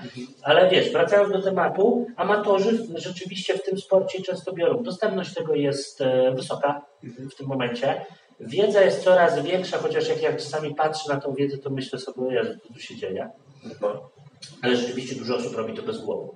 Ja zawsze jak mam podopiecznych, którzy gdzieś tam zgłaszają i mówią, e, no żeby chcieli, ja mówię, to jest twoja decyzja. Ja nikogo jeszcze w życiu nie namówiłem i nie zamierzam. Ja zawsze mówię, to jest twoja decyzja, to jest twoja decyzja, którą musisz podjąć. Ja ci mogę powiedzieć, jakie będą efekty pozytywne i negatywne. Zawsze zaczynam od negatywów. Bo ludzie często się skupiają na tej euforii po usłyszeniu pozytywów i na przykład wiesz, to jest tak jak przykładowo, masz tutaj kartkę i na początku piszesz pozytywy. Libido, samopoczucie, skupienie, tośmo jest takie wow! I dochodzisz do skutków negatywnych, ale już czytasz to i mówisz, ale libido, ale skupienie, ale mogę powiedzieć, ale libido, ale było przecież o tym. I już zakrywasz to. Ja zaczynam od drugiej strony. Mówię tak, zacznijmy od tego, że możesz mieć problemy z tym, z tym, z tym, z tym, z tym, z tym. Możesz właśnie powiedzieć? Wiesz, no, rozwalenie osi hormonalnej to może być od, e, powiedzmy, bezpłodności po zaburzenia depresyjne, po śmierć nawet może pójść, jak nie wiem, stosujesz diuretyki, które mi przesadzisz, możesz rozwalić sobie organy, tak? Wszystko jest tak naprawdę, pełne rozwalenie zdrowia może zaistnieć. To zależy też od genetyki, bo jedni mogą całe życie robić najgłupsze rzeczy na świecie, po czym e, czuć się idealnie, a przykładowo kobiety, które mają organizm dużo mniej odporny, a niestety doping wśród kobiet zaczyna być też popularny, mogą dość szybko po jednym złym zabiegu już resztę życia dochodzić do siebie, tak? Dlatego wiesz, nie chciałbym tutaj wchodzić, wiesz, w takie konkretne szczegóły, bo, bo nie jestem lekarzem i nie powinienem się o tym wypowiadać dość szeroko, a też nie uznaję się na specjalistę w dopingu e, i nie chciałbym się za takiego uznawać i nie będę się niby uznawał, mam nadzieję, e, no to należy tutaj spojrzeć, że no, są efekty pozytywne, które wiadomo, no jak facetowi też więcej testosteronu, to nie ma prawa, żeby on się gorzej czuł. E, dlatego między innymi no, podstawa na zachodzie hormonalnej terapii zastępczej to jest po prostu facet w wieku andropauzy, no to mu powie testosteron, tak? I latają szczęśliwi i produktywni, tak? No nie ma w tym nic dziwnego. W Polsce jeszcze jest taki temat, mówię, no dość mocno tabu, no ale chcąc nie chcąc, e, uważam, że każdy powinien tu podjąć sam decyzję, licząc się z konsekwencjami. Wiesz, i ja nie mogę powiedzieć, że to jest złe. Dlaczego? Ja nie jestem naturalny. No i wiesz, no zresztą no, kto by uwierzył, że jestem naturalem, ale z drugiej strony uważam, że przy mojej aktywności, przy mojej powiedzmy trybie pracy, życia, gdzieś tam to mi pomaga też utrzymać jakiś tam poziom funkcjonowania, ale z drugiej strony, wiesz, ja jasno wiem, jakie mogą być efekty pozytywne, jakie mogą być efekty negatywne.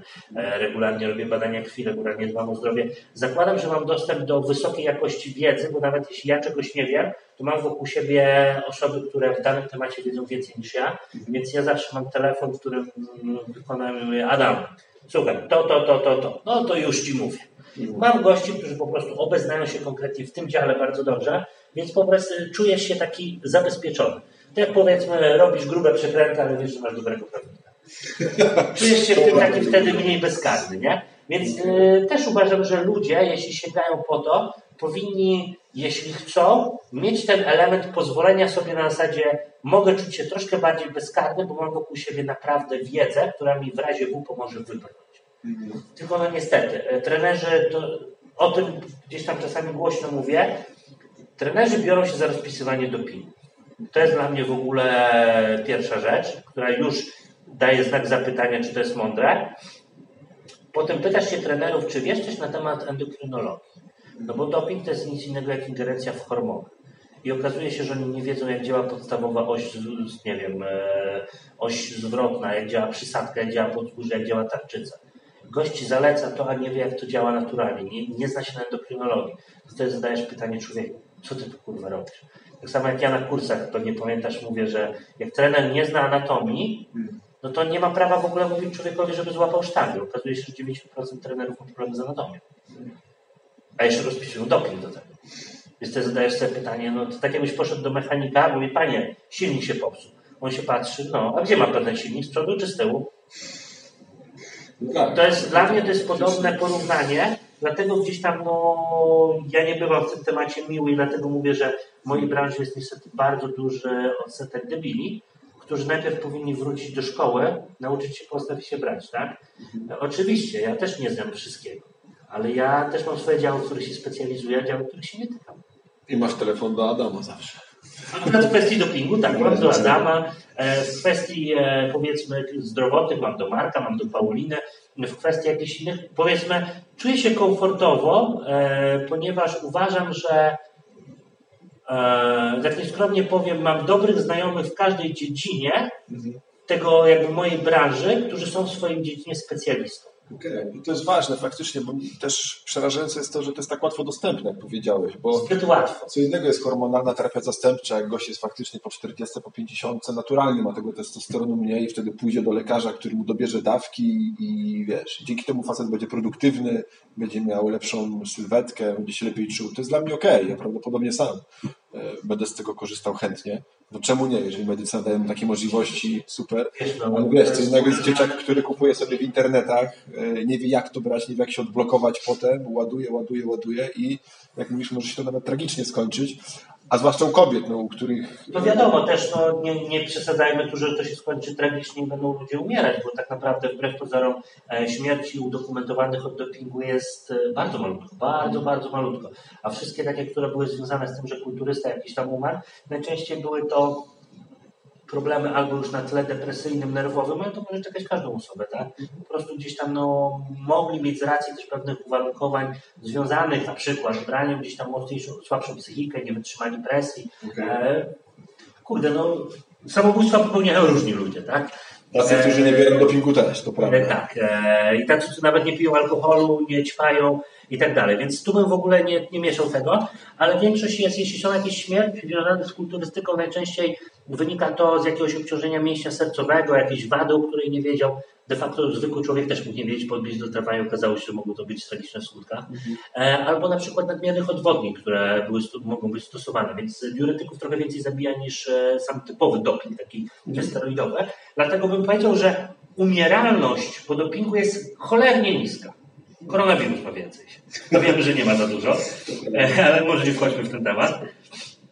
Więc umieralność jest bardzo niska, ale chodzi tutaj o takie aspekty zdrowotne, rzeczywiście mogą być to nieodwracalne czasami problemy, szczególnie no, kobiety, które mają dużo słabszy ten organizm, dlatego na przykład do prowadzenia kobiet uważam, że niewielu trenerów się nadaje, bo specyfika organizmu kobiet związana z wysiłkiem, z oddziaływaniem na pewne na przykład stresy i tak dalej jest zupełnie inna, więc, e, więc dlatego no, tutaj u kobiet się obserwuje większa jakby degradacja organizmu po wtłoczeniu czegoś z zewnątrz, aniżeli u mężczyzn. U większości mężczyzn po wszystkim się wyjdzie. U kobiet No to już tutaj jest taki temat, można powiedzieć, delikatniejszy już. Okej. Okay. Dobra. To jeszcze ciekawy temat, który myślę dla słuchaczy może być interesujący, to temat zawodów, bo tak naprawdę ja akurat wiem, jak wyglądają zawody, bo moja Agnieszka startowała, więc mogę Ci Właśnie w zeszłym roku byłem, no tak, pierwszy raz w życiu na zawodach, na backstage'u, więc widziałem po pierwsze w domu, jak ona się przygotowywała, widziałem, jak wygląda ten cały cykl przygotowań, potem widziałem, co się dzieje na backstage'u, jak wygląda to odwadnianie, jak wygląda potem e, ładowanie. E, ale większość ludzi tego nie wie, nie miało nigdy okazji, żeby to zobaczyć, a ewentualnie potem w telewizji czy na okładkach kolorowych pism oglądają efekt końcowy, czyli tego kulturysty albo tę kobietę na scenie. Ty startowałeś, prowadzisz zawodników, zawodniczki. Hmm, jeżeli możesz, to opowiedz, jak to wygląda, czym to się je. Przygotowanie do zawodów kulturystycznych. Na pewno nie jest to zdrowe. Tu już sport nie jest zdrowy. E, nie, to nie jest zdrowe, tu nie ma szansy być zdrowe, dlatego też no niestety często właśnie szczególnie kobiety gdzieś tam po iluś startach, gdzie ten stresor jakby wynikający z samego cyklu przygotowań jest dość mocny, ma jakieś później problemy, na przykład e, jakieś remisje Hashimoto, jakieś problemy immunologicznych, więc dlatego też znowu genetyka. Są osoby, które wytrzymają każdy nacisk, są osoby, które wystartują raz, odwodnią się, zrzucą trochę za dużo tłuszczu, jest szok hormonalny, prze, przeciążenie organizmu i nagle insulinooporność, Hashimoto, niedoczynność tarczycy, to też genetycznie organizm jest w stanie znieść dużo. Mhm. To akurat de facto taki też ciekawy temat, bo, w tamtym tygodniu akurat to opisywałem, e, czemu niektórych bardziej bolą mięśnie po treningu, a innych mniej. Warunkowanie genetyczne odporność na uszkodzenia. Jedni mają dużo szybsze progi e, w ogóle regeneracji niż inni, dlatego niektórzy mogą trenować więcej, częściej i chodzić z uśmiechem na twarzy, a inni zrobią trzy jednostki średnio intensywne i są zajechani przez to nie musi być tak, że jak mnie nie bolą mięśnie, to zrobiłem zły trening, może się po prostu szybko regeneruje. Eee, tak, albo jesteś już adoptowany, tak? Eee, tutaj jest e, takim ciekawym jest w ogóle tematem w ogóle e, temat adaptacji, tak? Bo jest oparte na General Adaptation Syndrome Hansa Seleja z 27 roku e, poprzedniego wieku, który badał to na myszach e, i okazało się, że później to zostało w sporcie zaczerpnięte, ale to jest, to jest syndrom adaptacji. Syndrom adaptacji, jak to fajnie Selej opisał, de facto było to na bazie no, wiedzy z roku 27, między, dwudziestolecie międzywojenne, tak? No. Więc poziom wiedzy był niski, ale bardzo fajnie to opisał w jego pracach jest, jako każdy organizm ma określoną energię adaptacyjną, którą może wykorzystać. Jeśli przekroczymy, wchodzimy w fazę oporu.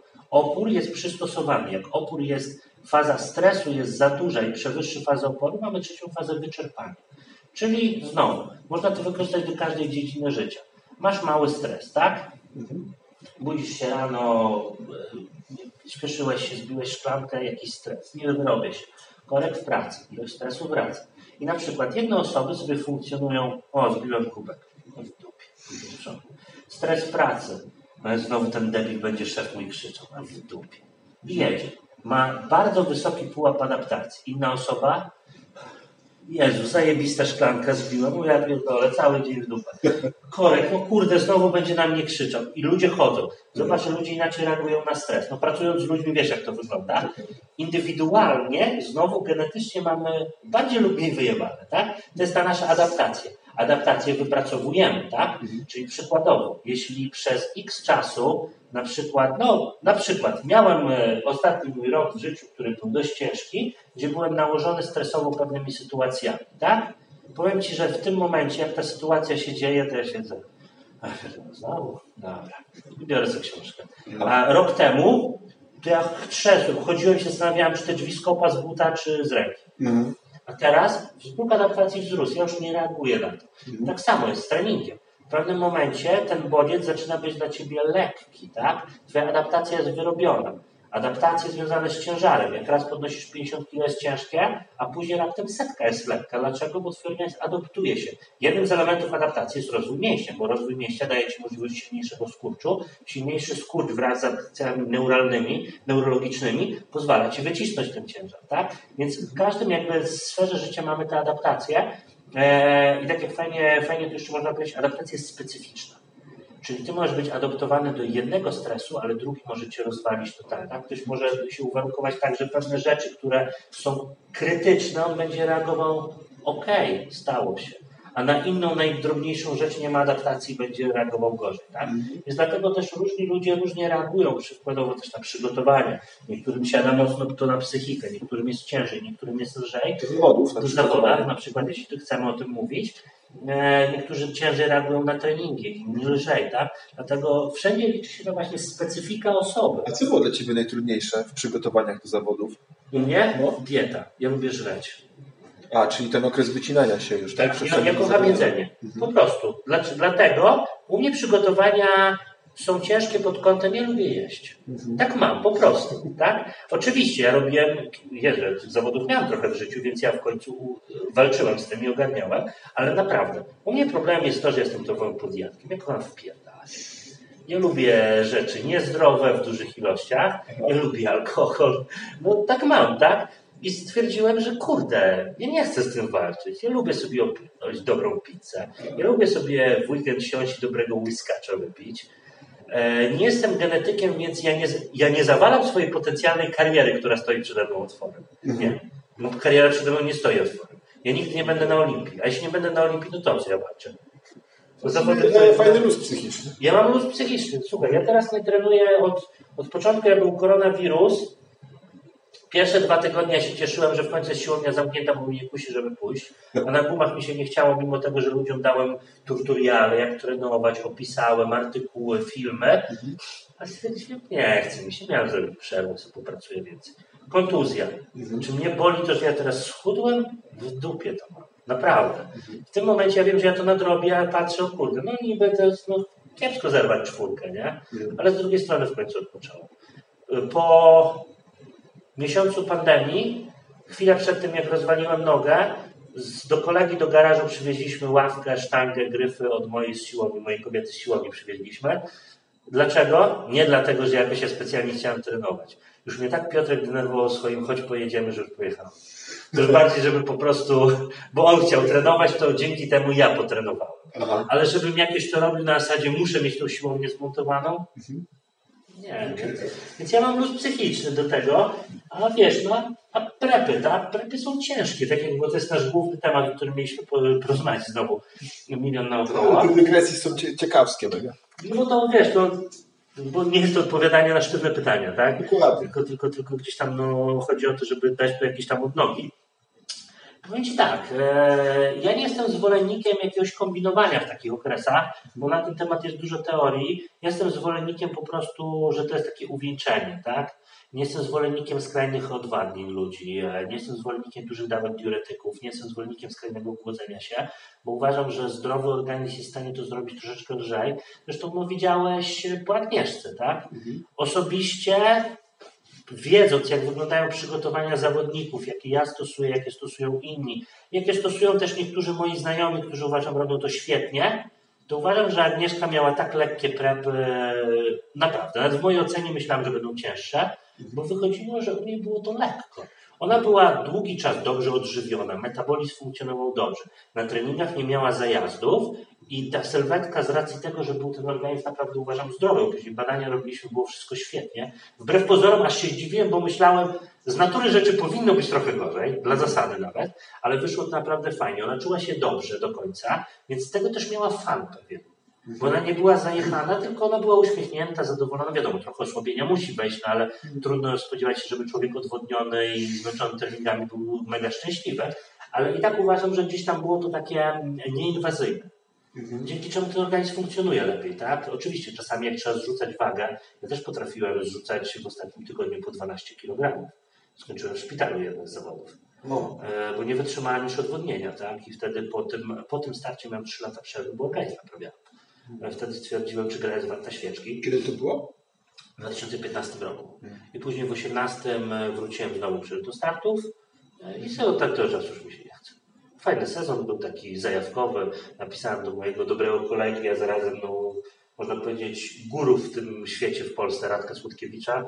Pamiętam wtedy, złapałem telefon, bo nie trenowałem wtedy cały mm, grudzień, bo byłem zmęczony, tak spojrzałem w lustro, mówię, dobra, wczoraj był Sylwester, bierzemy się, chyba wypocząłem, nie?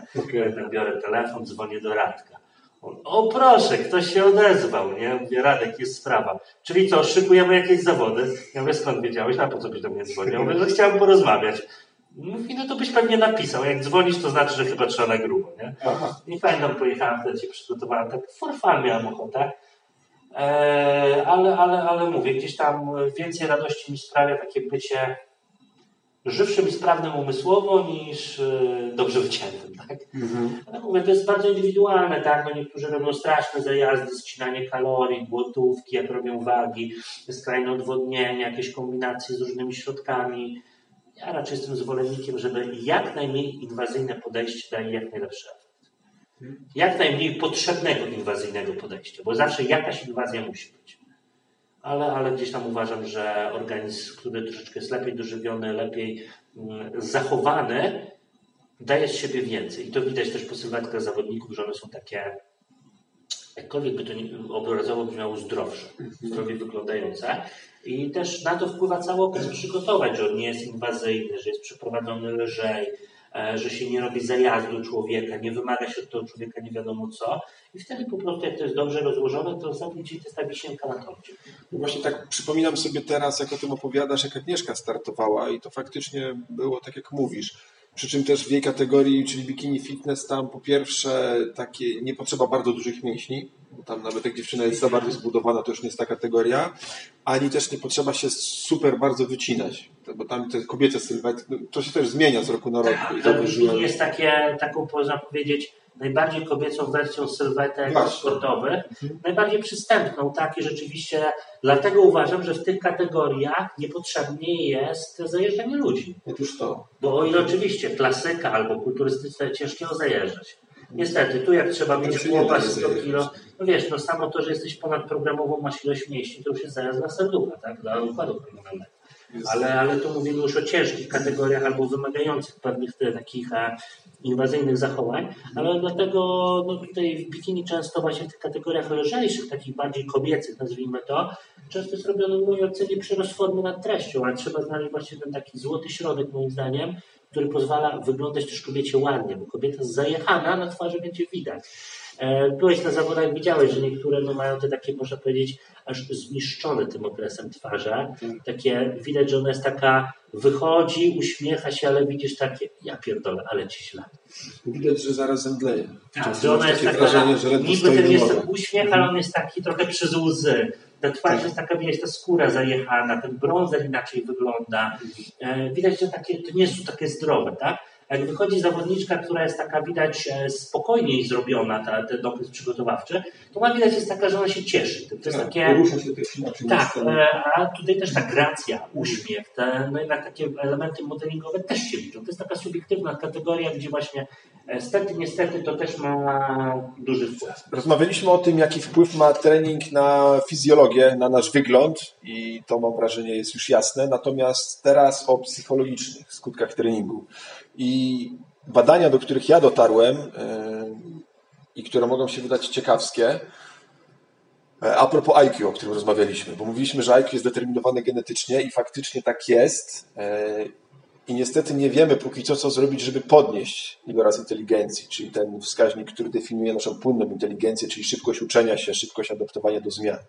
Nie wiemy, jak, to, jak, jak go podnieść. Jeżeli ktoś to odkryje, to Nagroda Nobla gwarantowana.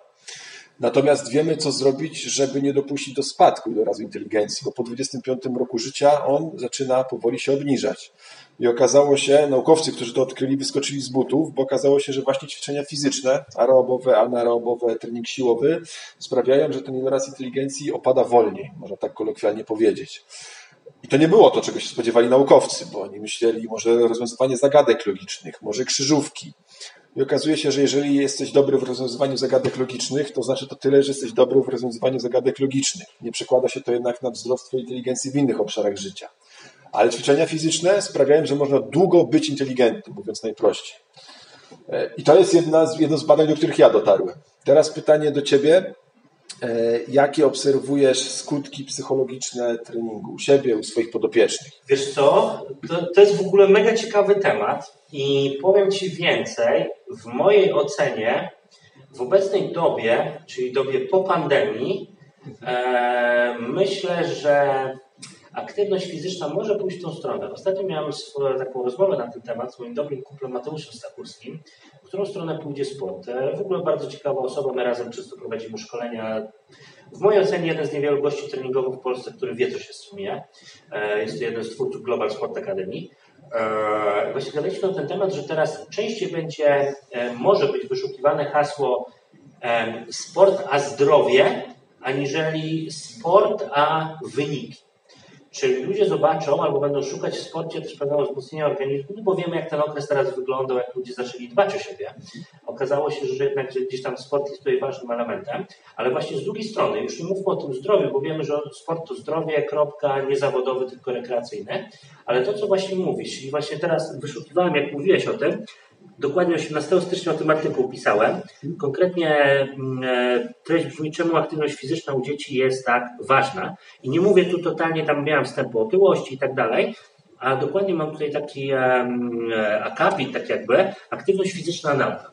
Więc właśnie nauka? Tak, konkretnie. I teraz rzeczywiście to potwierdza to, co mówisz, że jak utrzymać IQ. E, jakby z tej strony wiedzy, którą ja dotarłem, bo sobie właśnie przypomniałem to, o czym ja tutaj pisałem, bo też tutaj mam na bazie chyba 10 badań naukowych ten artykuł powstał, tak, widzę około tego, okazuje się, że mm, sama jakby sport pozwala, mówiliśmy o General Attention Syndrome mhm. i też to się tyczy reakcji na stres. Wiadomo, kortyzol jest jednym z hormonów, który jest wyrzucany podczas reakcji na stres, żeby gasić stany zapalne. Każdy stres ma wpływ na degradowanie takiego fajnego obszaru mózgu, który nazywa się hipokamp. On odpowiada za m.in. konwersję pamięci krótkotrwałej w długotrwałą, czyli zapamiętywanie, uczenie się, poznawanie, funkcje poznawcze, funkcje kognitywne. Tak? Okazuje się, że osoby, które mają wyższy pułap adaptacji do radzenia sobie z wszelkimi stresorami, ogólnie mówiąc, mają e, mniej, e, mają tak jakby mm, mniejsze ryzyko degradacji chociażby hipokampu w okresie permanentnego stresu. Co najbardziej ludzi wykańcza? Stres, ogólnie pojęty. Stres może być... jest destrukcyjny dla, dla tylu układów w człowieku, że ciężko to... To znaczy, wiesz co, ja bym poszedł w drugą stronę. Kortyzol to jest tylko odpowiedź, która ma za zadanie spowodować, żeby wprowadzić pewną destrukcję, usadzić cię na dupie, żebyś jeszcze większej krzywdy nie zrobił. Mhm. E, bo kortyzol wbrew pozorom to jest bardzo potrzebny hormon, a to, że, że de facto on się wydziela w sytuacjach, jak się wydziela, ma zadanie, on jest tą strażą pożarną. Ale my nadal mamy problem z pożarem. Natomiast umiejętniność radzenia sobie z pożarem powoduje, że mamy tego jakby destrukcyjnych elementów mniej, czyli ten hipokamp cały ogólnie działanie naszego układu nerwowego nie jest niszczony, nie ma tej destrukcji. Więc to by dawało też jasne informacje, że w momencie, kiedy my nawet między innymi sportem uodparniamy się na działanie stresorów, de facto będziemy też lepiej sobie radzili z różnymi rodzajami stresu. Co za tym idzie, implikację mamy taką, że TQ zachowujemy, bo nie dopieprzamy sobie hipokampu. E, wiesz co, ja tu sobie pozwolę, bo znalazłem ten akapit, tak? E, przeczytać to, po prostu polecę z kartki. Ja, wiedzieć. E, I tutaj dojdę do konkretnego. Jak wykazano kontrolowane, od razu mówię, cytuję to, co pisałem, a nie kogoś, jak wykazano kontrolowane i dozowane wyrzuty kortyzolu, czyli dobry plan treningowy, które mogą być wynikową wysiłku fizycznego, prowadzą, prowadzić mogą u młodzieży do rozwoju hipokampu, czyli część mózgu odpowiedzialna za pamiętywanie i funkcje poznawcze i uczenie się. No i tu mam odnośnie do badania. Co ciekawe, też dotyczy to osób starszych. To jest w ogóle jeszcze temat rzeka, jak aktywność wpływa później na to, że, w, że wolniej starzejemy się. Czyli na przykład stres, e, wysiłek fizyczny w młodym wieku zapobiega szeroko pojętej, mocno postępującej sarkopenii. Czyli jak teraz trenujesz, to na stare lata najprawdopodobniej będziesz miał mniejsze objawy osłabienia związanego z wiekiem. Nie? To już w ogóle oddzielny temat. Coś takiego dotyczy też o to starszych i tak dalej, że była też lepsza sprawność umysłowa. Najprawdopodobniej jest to związane ze zwolnieniem zasobów. Mówiąc wprost, wyuczenie się jednej funkcji pozwala nam zachować możliwość skupiania się na czymś innym, przez co jesteśmy bystrzejsi. To jest też kolejna ciekawa implikacja. To może dotyczyć się rozwoju młodzieży, gdyż w przypadku wzrostu umiejętności związanych z ruchem zwalniają się zasoby naszego mózgu na inne czynności poznawcze. To tylko potwierdza pozytywną korelację między kontrolowanym wysiłkiem fizycznym a rozwojem naszego mózgu i tu badania. Mhm. E, mówiąc wprost, tak jak pamiętasz, mówiliśmy o Hansie Seleju, który powiedział o tej tak zwanej, według jego teorii e, ilości dostępnej jakby możliwości stresowych dla organizmu. Mhm. Zauważ, jeśli Dobry przykład ja. W tym momencie, zobacz, jak szliśmy tutaj z poprzedniej sali, jak dreptałem na mojej kulawej nodze, bez kul, to ja się skupiałem na, na, y, na pójściu. Widzisz, że nie chciało mi się gadać, bo się skupiałem, żeby dobrze stopy postawić. A jak wykonujesz coś takiego biernie, to jesteś w stanie, o kobietach się często mówi, tak, że są w stanie kilku rzeczy naraz robić. Jak wy... Kurde, widzisz, że jestem szowinistą. Zobacz, typowa matka Polka. Karmi dziecko, miesza w garnku, gada przez telefon, jeszcze mówi ci, gdzie położyła coś tam. Dlaczego? Odruch bierny, odruch bierny, odruch bierny, on nie skupia się już na tym. To jest tak wyuczone, że ty to robisz. Ty nie musisz nad tym panować, tak? tak. Czyli to, co na przykład było w badaniach psach, o psach Pawłowa wprowadzone. Że one już reagowały w pewnym momencie, że się nie zastanawiały nad tym. De facto to pozwala ci tak jakby nie wykorzystywać pewnych twoich zasobów neurologicznych, na to, żeby umiejętnie, nie wiem, robić jakąś czynność, tylko ona już się robi biernie, tu już się nie skupiasz. Wykorzystujesz zasoby na co innego. Tak jak prowadzisz samochód. Na początku, jak pierwszy raz wsiadasz, musiałeś myśleć o każdej czynności, którą wykonywałeś, a teraz wsiadasz i jedziesz. Nawet... Jeszcze gadam, piszę przez telefon i najczęściej jeszcze... Słuchasz radia, wyglądasz przez okno i myślisz, co masz zrobić w domu. To też by było takie sensowne, bo jak mówię, jak dopasowałem to, co ty teraz mówiłeś a propos IQ do tego, co akurat miałem okazję opisać no już za 4 miesiące, 5 miesięcy temu, mhm. no to rzeczywiście daje to ciekawe efekty, ciekawe jakby wnioski, tak? Mhm. które pokazują, że rzeczywiście ta aktywność pod tym kątem byłaby sensowna, ale znowu, dozowana i kontrolowana aktywność. Natomiast jeśli ludzie są przeciążeni, to idzie to w drugą stronę. Tak. Czyli mamy tą fazę bo, wyczerpania. Tak jak powiedziałeś, kortyzol, on jest potrzebny oczywiście, bo budzi nas rano i dozowany w odpowiednich dawkach stawia nasz system nerwowy w stan gotowości. Ale jak utrzymujemy zbyt wielki poziom i nasz system nerwowy jest zalany kortyzolem ciągle, to on właśnie jest destrukcyjny i dla hipokampu, i dla podwzgórza, i dla wielu innych obszarów mózgu. No, Więc to dozowana kontrola... Zanik miesiączki, stres, niedoczynność tarczycy, permanentne przemęczenie, depresja, no w sumie możemy sobie wszystko wymienić.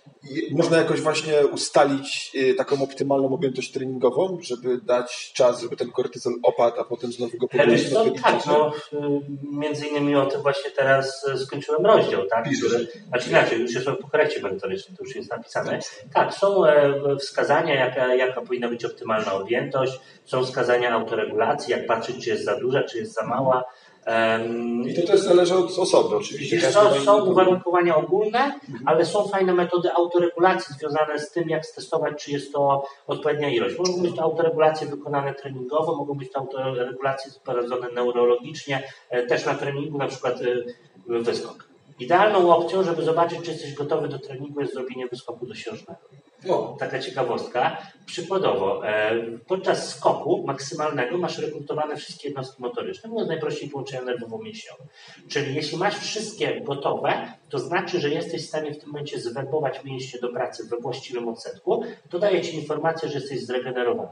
Mhm. Oczywiście to jeszcze jest bolesność mięśniowa i tak dalej, ale to jest taki fajny test. Jak jesteś pewnego dnia zregenerowany, zrób sobie na siłowni takie powiedzmy miejsce, gdzie zrobisz sobie maksymalny wyskok. Mhm. I zobacz, do jakiego miejsca doskoczysz. Okay. Żeby sprawdzić później, zobacz, czy do tego miejsca doskakujesz albo wyżej. Jeśli nie doskakujesz do tego miejsca, najprawdopodobniej jeszcze układ nerwowy nie wypuszcza sygnału odkorowego, który jest w stanie dać pewną, pewną dynamikę ruchu, czyli najprawdopodobniej nie jesteś do końca zregenerowany. Można to z krwi zrobić. Najprostsze testy, kinaza, yy, monoforogia, miocyty. Mhm. Eee, tak? Ale. Przepraszam, mioglobina. Da się sprawdzić, czy mięśnie jeszcze są uszkodzone i na przykład kreatynina wycieka i jest podniesiona dawka. Jak nie, to znaczy, że muscle damage zostało już e, cofnięte. I to można bardzo ciekawie sprawdzić. Dla ludzi na co dzień wyskok jest, myślę, łatwo mi dostępną techniką. Tak, albo de facto na przykład jakieś ćwiczenie na daną partię wybierz sobie, mhm. w którym wiesz, że przykładowo jesteś w stanie do upadku wykonać e, 10 powtórzeń. I to jest takie Twoje optimum, które chce się zregenerować. Jeśli nie dojdziesz do 10 powtórzeń, to znaczy, że uszkodzenia mięśniowe albo sygnał centralny jest zaburzony, albo uszkodzenia mięśniowe jeszcze się nie wzrosły i Twoje włókna nie są w stanie generować maksymalnej mocy. Czyli tu w tym momencie możesz, musisz zrobić autoregulację treningu, bo widać, nie do końca się zregenerowałeś. Mhm. I tak w każdym ćwiczeniu można sobie wybrać w każdej partii takie ćwiczenie. Jest, jest parę metod autoregulacji, o tym akurat gdzieś tam w połowie już jestem pisania, bo tak kilka działów dziawię na raz. No ale jest to taka dość ciekawa właśnie metoda, żeby sprawdzić, czy, czy, czy, czy, czy e, na przykład nie przeciążasz się na treningu, albo inaczej, nie przeciążasz się w stosunku do swojego obecnego stanu, czyli na przykład ilości stresu. Bo na przykład dziś możemy iść na trening, jesteśmy wypoczęci, ale i zrobimy jakiś trening, a na przykład za miesiąc, kiedy będziemy jakieś projekty w pracy, e, mało snu, cokolwiek, stres życiowy, ta objętość może być za wysoka, ponieważ duża ilość stresu zżera ci twoje możliwości. No właśnie, pytanie, wtedy trenować na siłę trochę, mówiąc kolokwialnie, czy odpuścić? Wtedy idziesz w trening podtrzymujący. Minimalna objętość niezbędna do utrzymania. Zapraszam na bloga, była minimalna. Okay. Więc trochę się zareklamuję, bo akurat takie tematy, Jasne. akurat to napisałem na początku pandemii, żeby ludzie się nie schizowali, czyli ile trzeba żeby mięśnie nie. Mhm, mhm. Czyli wbrew pozorom wtedy robimy sobie etap podtrzymujący, czyli nie zajeżdżasz się, utrzymujesz, wraca normalność, bach obrotu. Okej, okay, bo też to jest jeden z, naj, z najczęstszych wymówek, że ludzie mówią, bo mam dużo pracy, bo mam dużo stresu, bo nie mam czasu, więc odpuszczam sobie trening, bo mi się po prostu nie chce, mówiąc wprost. No, ale czasami jak się nie chce, to często moi podopieczni do mnie piszą, taką jakby szukają, często e, starzy podopieczni wiedzą, co usłyszą, nowi szukają motywacji i zostają usadzeni. Wiesz, Paweł, bo mi się nie chce, bo dużo stresu i często ja odpowiadam, okej, okay, przerwa. No ale co, nie będziesz mnie motywował? Nie. Masz do stresu, to, to byłoby to nielogiczne. Siądź na dupie, zwróć za tydzień. I często jest odpowiedź, kurde, to była zajebista decyzja. No, no tak, nie zawsze trzeba zapierdalać. Mhm. Czasami trzeba zluzować. To co ja teraz? Ja się stresuję, że ja nie trenuję. Poważniejsze sprawy. Okay. No właśnie, i wróćmy do tych pozytywnych skutków treningu jeszcze psychologicznych, bo mamy to e, IQ, mamy podniesienie e, progu stresu, e, odporności na stres i co jeszcze? No najczęściej widoczne, no to co? Model samca alfa, tak? Ale wiesz co, jednak mimo wszystko widać to mocno, zwłaszcza bez social mediów. Żyjemy w społeczeństwie, które z natury rzeczy jest dołowane dużo ludzi ma problemy z tym, że się nie akceptuje i tak dalej. Jednak jakby nie patrzeć, jesteśmy wzrokowcami. Akceptacja samego siebie jest to pierwszy etap akceptacji, e, podniesienia jakby swojej wartości. Zauważ, że jednak ludzie, którzy lepiej wyglądają, e, często mają te ego wyższe trochę, więc tak samo jak można to łączyć pracując z ludźmi, na przykład niwelowaniem stresu i tak dalej, to jest bardzo prosty taki schemat. No, osoba, która gdzieś tam akceptuje samego siebie, czyli na przykład pani, która schudła, albo facet, który dowalił troszeczkę fajnie wyglądających mięśni, zazwyczaj mają taką większą motywację do działań, ale to, to jest takie nasze, powiedzmy, takie, jakby to dobrze nazwać, odzwierzęce jeszcze, można powiedzieć, chyba takie uwarunkowanie. Czujemy się lepsi, silniejsi i tak dalej, no ale de facto Myślę, że tak to wygląda, tak? że jednak mimo wszystko wpływa to na nasze wyższe wartość siebie, to wpływa też na naszą taką dopaminę, czyli naturalny neuroprzekaźnik, który działa motywacyjnie. Więc zazwyczaj no, u niektórych oczywiście działa to w złą stronę, bo aż za mocno, czyli dowolony facet narcyz przed każdym lustrem i jego w kosmosie, co to nie ja, ale takich często właśnie osób, e, z którymi pracuję dłuższy czas, Widzę też taką korelację, że na przykład sam styl pisania, jak z ludźmi pracuję ponad na przykład rok, półtora, na początku jak pisali do mnie, takie, widać było takie szara mysz, która pisała. Okay. Po x czasu dziewczyna zrobiła formę i już widzę, że nawet styl pisania jest taki nie, dzień dobry, bo ja chciałam. Jest taki siema, zajebisty miesiąc, ale taki widzę, że w tych ludziach jest więcej życia. Jak rozmawiam z niektórymi przez telefon, widzę, że jest inna gadka widać, da się to zauważyć. Jak otaczają mnie tacy ludzie, to widzę, że też ich postrzeganie samych siebie się zmienia. Więc ja uważam, to jest też dobry dodatek do takiej terapii, akceptacji siebie. Oczywiście ja też nie jestem zwolennikiem tych wszystkich haseł akceptacji samych siebie. Ostatnio, no jakiś czas temu była taka kampania, e, to były jakieś tam, pamiętam, strony kobiety kobietom, czy jakoś tak, gdzie zaczęli pisać o tym, że jak kobieta jest gruba, to taka jest, zaakceptuj siebie. Dietetycy się mocno odezwali, między innymi, w mojej ocenie bardzo szanowany dietetyk dr Damian Parol, którego de facto bardzo lubię i szanuję za jego pracę, który wprost nie napisał tego tymi słowami, ale dał do zrozumienia kobiety, co wy pierdolicie. Otyłość to jest choroba. Nie można powiedzieć akceptujmy otyłość. Akceptujmy raka. Żyj z rakiem. Nadaj mu imię, o, siema, siema nowotwór, jak masz na imię? No nie no, oczywiście mam nadzieję, że nikt słuchający to gdzieś tam master się nie obrazi. Moje dziecko ma nowotworze, więc to nie jest coś, co akceptujemy. Mamy z tym walczyć, a jeśli nie możemy z tym walczyć, mamy w jakiś sposób przeciwdziałać. Naszym celem jest nie powiedzenie sobie, że o, zajebiście, fajnie, haha, jest nas więcej, ja i mój rak. No nie, no nie, nie, nie, nie, tak to nie ma działać. Mamy walczyć ze stanami chorobowymi. Nie można powiedzieć, że raptem akceptujmy się, jestem otyła, więc tak ma być. Oczywiście, jeśli ci to pasuje, bądź, ale zdawaj sobie sprawę, że to nie jest dobre dla twojego zdrowia. Moja mama ma nadwagę, wie, że to nie jest dobre dla jej zdrowia. Yy, czy robi coś z tym? No nie do końca, ale już z wiekiem stara się, już ma problem starczycą, trochę z lipidogramem, ten cholesterol nie taki, więc już podpytuje, co powinna robić. Oczywiście tak ma, żyje sobie z tym, ale ma tego świadomość. Niestety ludzie też zaczynają szukać wytłumaczenia tego, że w jakiś sposób nie są w stanie poradzić sobie z tym, albo e, gdzieś tam nie wiedzą jak, e, nie chcą, nie mają do tego no, jakiegoś tam zapału, ale uważam, że nie można też e, od, bardzo popadać w właśnie taką samoakceptację. Nie, z pewnymi rzeczami, pewnych rzeczy nie powinno się uważam akceptować, i mieć świat taki, powiedzmy, zdrowy rozsądek. Tak, to co mówiliśmy. Jak się do czegoś nie nadaje, to tego nie robię, to tak samo tutaj umieć spojrzeć na to, no cholera, no trzeba coś z tym zrobić, tak? To nie jest to normalne. To jest mega ważny temat. Ja e, jedno z, z, największych nieporozumień, z jakimi się stykam, mówię o samoakceptacji. E, ja pracuję dużo e, coachingowo z ludźmi i często ci ludzie na przykład przychodzą do mnie czyta, po przeczytaniu książki, której autor czy autorka zachęcali do tego, żeby zaakceptowali się tacy, jakimi są. Mówię, dobra, ale co przez to rozumie, że ma się zaakceptować? Faktycznie akceptacja siebie jest ważna, tylko rozumiana jako spojrzenie w lustro i stwierdzenie, ok, jestem otyła na przykład. Albo ok, mam sobą pracę, stać mnie na więcej. Albo ok, jestem w związku, który nie daje mi satysfakcji. Czyli y, akceptacja rozumiana jako szczere staniecie samemu przed sobą i przyznanie się, że jestem w takiej, w takiej sytuacji. I to ma sens, bo to jest pierwszy krok do dokonania zmiany, bo dopóki ja będę udawał, że nie widzę problemu, nie mam żadnych szans na niego wpłynąć ale ludzie często rozumieją akceptację tak jak ty mówisz, że okej, okay, jestem otyły, mam na przykład sobą pracę, mam sobie związek, nic z tym nie robię. Taki mój los. E, I niestety często ludzie, którzy są nazywani przyjaciółmi przez takie osoby, zachęcają ich do tego, żeby trwali w takiej akceptacji. Czy na przykład koleżanka przychodzi do drugiej koleżanki i mówi, ty się nie musisz nic zmieniać, to twój mąż jest zły, to on powinien cię docenić, otworzyć oczy i cię pokochać. To nieprawda, że ty jesteś złym pracownikiem, to twój szef jest furiatem i tyranem, on kiedyś otworzy oczy, za tobą zatęskni.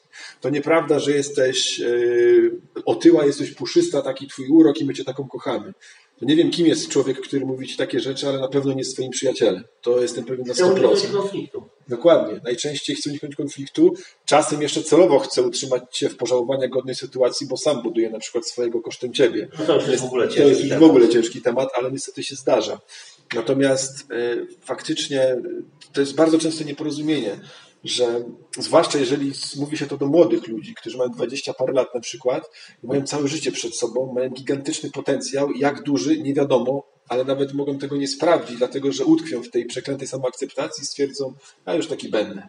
Mówisz mu, stary, masz 40 lat przed sobą i zamierzasz taki być przez 40 lat, nie zamierzasz sprawdzić, jak bardzo możesz urosnąć, jak, co możesz zdobyć w tym życiu, kim możesz zostać, no wiadomo, to ryzyko, może nie wyjść, to nastawienie się na krytykę innych ludzi i dużo trudnych rzeczy do zrobienia po drodze. Tak, tak, to jest to, jak to się mówi, jak nic nie robisz, to unikasz krytyki. Wiesz, ile Abraham Lincoln, zanim został prezydentem, miał biznesu, który mu No? Mhm. A potem został chyba, startował już nie pamiętam ile razy, ale kilka razy w kolejnych kampaniach. biznesu? Tak, przegrywa. No ale, no, ale właśnie to jest, chodzi o tej akceptacji. Wiesz, ja uważam, że akceptacja jest dobra w temacie, o którym roz, rozmawialiśmy. Zaakceptuj to, gdzie jesteś, jeśli nie możesz tego zmienić. Staję przed lustrem, patrzę, nie jestem genetykiem, nie będę olimpią. To jest samoakceptacja. Mam IQ takie, jakie mam, więc mogę robić to, co robię. Nie powtórzę wynalazków Einsteina, e, więc nie porywam się na to. Akceptuję swój, e, swój poziom IQ, bo go nie zwiększę. Tak? E, chciałbym mieszkać w Miami w tym momencie, bo bardzo lubię to miasto, mi się mega spodobało, ale akceptuję to, że jestem Polakiem i się urodziłem w Polsce. Jakiś wpływ na to mam, być może tam zamieszkam. Ale na ten moment jest to niewykonalne, więc akceptuję to. Ale nie mogę zaakceptować tego, że przykładowo chcę wydać książkę na jesień, ale kurwa, nie chce mi się pisać. No to, to, nie pójdzie, tak ona się sama nie wyda. Albo to napisze, albo to nie napisze. Yes. Więc w tym momencie jest właśnie problem takiej akceptacji i tak jak mówisz, że moim zdaniem mamy takie teraz społeczeństwo zestresowanych ludzi, którzy wierzą w American Dream. Social media, tak? Ja ostatnio dużo gdzieś tam po tym czasami cisnę, chociaż w ogóle moje social media to stały się tylko merytoryczne, bo mnie zaczęło po prostu wkurwiać to, co się dzieje. Ja tam rzucam w większości tylko parę postów merytorycznych, jakiś jeden swoje, jakieś tam głupoty i tyle. Mnie to już po prostu denerwuje, że ludzie liczą, że na niczym stworzą coś, bo tak się paru osobom w życiu udało, bo paru jakichś tam influencerów jest, w ogóle jestem wielkim przeciwnikiem tej całej branży influencerów, bo zobacz, kiedyś, żeby by, e, żeby zostać opiniotwórcą, najpierw stawałeś się profesjonalistą, aż ktoś powiedział, ale ty jesteś zajebisty. To powiedz, że mój produkt jest zajebisty. Teraz się ludziom w dupach pojebało i stają się najpierw opiniotwórcami, nie będąc Czyli przykładowo, ej dziewczyny, jak kupujcie te leginsy, bo są zajebiste i, i kod 10%. Nie, nie mówię, ja się z tego śmieję. E, oczywiście, e, jak ktoś tak postępuje, tego słucha, to się na mnie obrazi, albo to w szerokim poważaniu. E, więc no, niestety wyszło to właśnie z drugiej strony, że ludziom, ludzie chcą zaakceptować to, jacy są, i na tym stworzyć takie w sumie wizję, że przecież ja taki jestem zajebisty, bo taki jestem, niepowtarzalny, unikalny. I te hasła, jesteś taki, jaki jesteś, jesteś niepowtarzalny, no, ale to nie znaczy, że no, to nie rób coś ze sobą, tak? No właśnie, bo tu można ludziom dużą krzywdę zrobić. Bo ci ludzie przestają coś robić ze sobą, bo to wymaga pracy, a przecież jestem tak zajebisty, że ja nie muszę pracować. I naprawdę widzę to coraz częściej wśród no, chciałem powiedzieć młodych osób, ale ja też jakiś stary, no my starzy nie jesteśmy, tak? Ale powiedzmy już osoby, które gdzieś tam, e, no już mamy trzydziestkę, osoby, które są po 20 roku życia, to rzeczywiście popadły w to. E, no przykładowo, na przykład moja partnerka jest troszkę młodsza ode mnie, ale w międzyczasie prowadzi jeden biznes, drugi i też się z tego śmieje, bo widzi, że osoby w jej wieku, no to się popierdoliło w dupach. Ja z nią mam o czym rozmawiać, bo też... Nawet ona to widzi, mimo że jest z tego pokolenia. Który, który pracuje, tak? Ona non stop zapierdala, coś robi. Dwa, dwie otwarte firmy, to, to, tu jakieś dotacje, tu kombinuje, wiesz, i działa, bo wie, że samo z nieba to nie spadnie, nie? Ale wielu osobom myślę, że to, to gdzieś tam tak liczą, że, że to jednak się tak da. Czasami się da, możesz się wstrzelić w jakąś lukę, ale jest małe prawdopodobieństwo, tak? Więc e, to idzie w tą złą stronę takiej właśnie zaakceptuj siebie, jesteś taki fajny, więc wszyscy cię polubią, bo jesteś fajny. Bo to jest takie, ja też właśnie dlatego chciałem z tobą porozmawiać, bo przez wysokoprogowe jednostki motoryczne, mówiąc żartobliwie, ale ty jesteś po pierwsze szczery, mówisz prosto z mostu, ale po drugie mówisz też bardzo merytorycznie. Widać, że się głęboko wchodzisz w jakiś temat. Natomiast to, o czym mówisz, to jest takie fasadowe. Bo wiesz, Instagram, media społecznościowe, one są świetnie wykreowane z zewnętrznych oznak splendoru, sukcesu, kolorowego życia. I super, bo jakaś część życia taka jest, ale nikt nie ma życia, które jest całe kolorowe, wesołe i mm, pozytywne we wszystkich aspektach. I teraz czasem nie trzeba nawet głęboko kopać, tylko poskrobać paznokciem, żeby zdrapać tę zewnętrzną warstwę i widzisz, że pod spodem nic nie ma. Tak jak mówisz, że jest opinia, ale za nią nie stoi żadna wiedza. Rozmawiasz, wiesz, 5 minut z kimś i po 5 minutach widzisz, że ten człowiek nie doszedł do tej wiedzy na, na podstawie własnych poszukiwań, na podstawie czytania książek, na podstawie lat rozmów z innymi ludźmi, studiowania jakichś przypadków, tylko to jest ideologia. On wziął jakieś gotowe pomysły, wyraził je w postaci kolorowych wpisów, na przykład na mediach społecznościowych. Ale nie wie o co chodzi. Dokładnie, ale zaczniesz skrobać i mówisz, dobra, ale co to znaczy konkretnie? I ja brakuje. Nie pytaj mnie o nie kiedy walczę z ostrym cieniem Na przykład, nie? I koniec. I tam nic nie ma. No i wtedy już wiem, że a, dobra, to mogę spokojnie tego nie czytać, nie interesować się, bo nawet autor nie wie, co chciał przez to powiedzieć. Bo nie jest autorem, tylko od kogoś, kto wziął kopiuj wklej i to jeszcze pół biedy, ale żeby wiedział, o co chodzi w tym, co wklei. Podam Ci taki przykład, tak? No gdzieś tam uważam, że w tym momencie trochę nieskromny będę, ale a chuj, pozwolę sobie. E, uważam, że gdzieś tam mogę powoli uchodzić w treningu z jakiegoś opiniotwórcę, bo widzę, że gdzieś tam staram się te informacje zdobywać, które w internecie polskim nie ma albo jest bardzo mało, e, szukać pod to podwalin i tak dalej. No spędzam na tym dużo czasu, tak? Nie mówię tego, żeby się żalić, tylko bardziej jarać się tym. Bo naprawdę daje mi to w chuj satysfakcji. Dużo, nie się mniejsze. Wypikamy. E, albo nie, nie, będzie naturalnie. Naturalnie. E, więc e, czasami widzę, że gdzieś tam e, dużo, tak czasami śledząc, że gdzieś tam ktoś mi, najczęściej podsyłają mi takie informacje, że jakiś trener X nagle zaczął mówić to samo co ja, czasami ludziom się nawet nie chce kolejności zdania zmienić.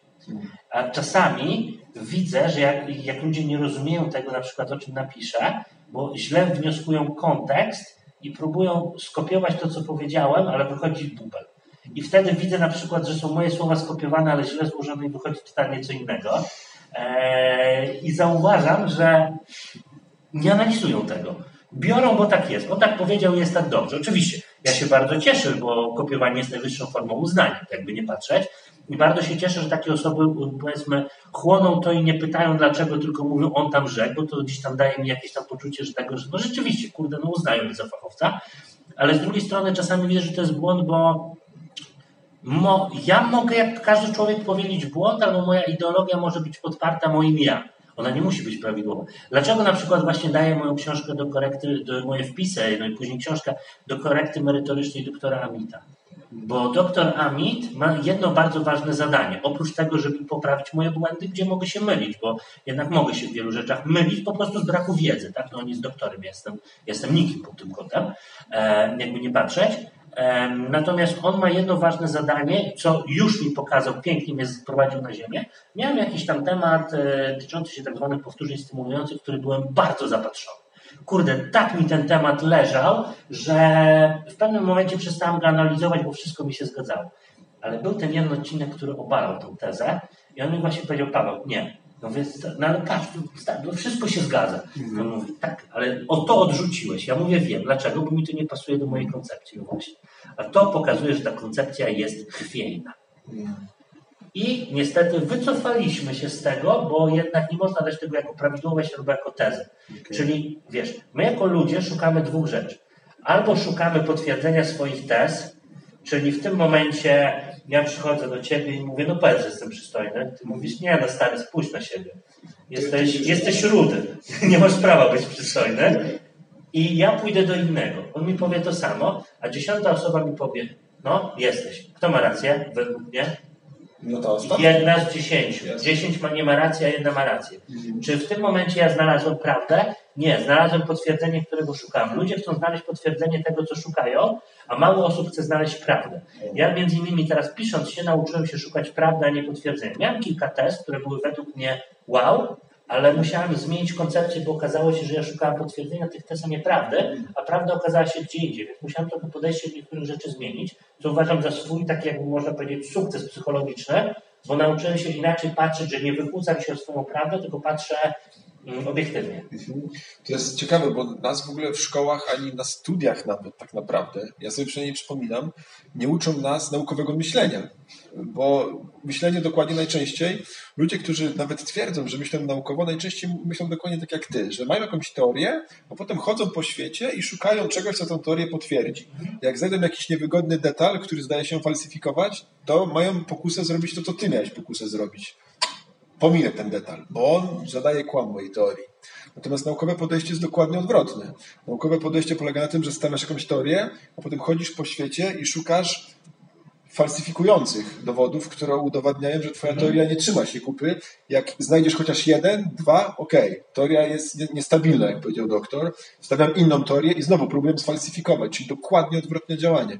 Ale to jest bardzo ciężkie zadanie, dlatego że my chcemy się dobrze czuć, a dobrze się czujemy wtedy, kiedy nasze teorie się potwierdzają. Dodatkowo wiesz, zmiana teorii wymaga czasu i wymaga pracy, żeby ją potwierdzić na nowo, zbudować nową wizję, a do tamtej nie wracać. Ja od razu, jak gdzieś tam powiedzmy, moja teoria została podważona, gdzie ja wiedziałam, że ona nie jest do końca stuprocentowa, ale gdzieś tam powiedzmy, no dostałem informację, nie, musimy jeszcze mocniej ją okroić. Powiedziałem, okej, okay, nie, poszukałem informacji, mówię, kurde, rzeczywiście, bardzo dobrze. No ja tego właśnie chciałem, doktorze. Że tak sobie myślę, kurde, właśnie o to jest twoja najważniejsza robota, żeby moje zapędy gasić, nie? E, I od razu do swojego kumpla, do Mateusza pisze, stary, no pamiętam jeszcze jak dziś, no, ten cytat mu wysłałem, śmiesznie to zabrzmiało, on to później opublikował, Stary, teoria powtórzeń stymulujących, którą też był przekonany i razem gdzieś tam często dyskutowaliśmy, to jest po prostu, no, jak to napisałem, tak dziurawa i niespójna jak dupa sterydziarza. Nie musimy od niej. Ktoś się zaczął śmiać z tego, mówi, stary, no ale to przecież sam mówiłeś, na tym bazowaliśmy.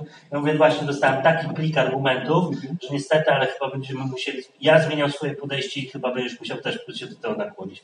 Dobra, czekam na argumenty, nie? Okay. I wiem, że w tym momencie na przykład ta osoba dam mu argumenty, które uważam będą mocne, nie podważy ich, no bo niestety, ale nawet profesor Greg Nucholz je zaakceptował, więc powiedzmy mądry web powiedział, że tak jest. Więc mamy w tym momencie argumentację i na przykład ja lubię w tym momencie na przykład z takimi osobami gadać, bo wiem, że one są otwarte na argumenty.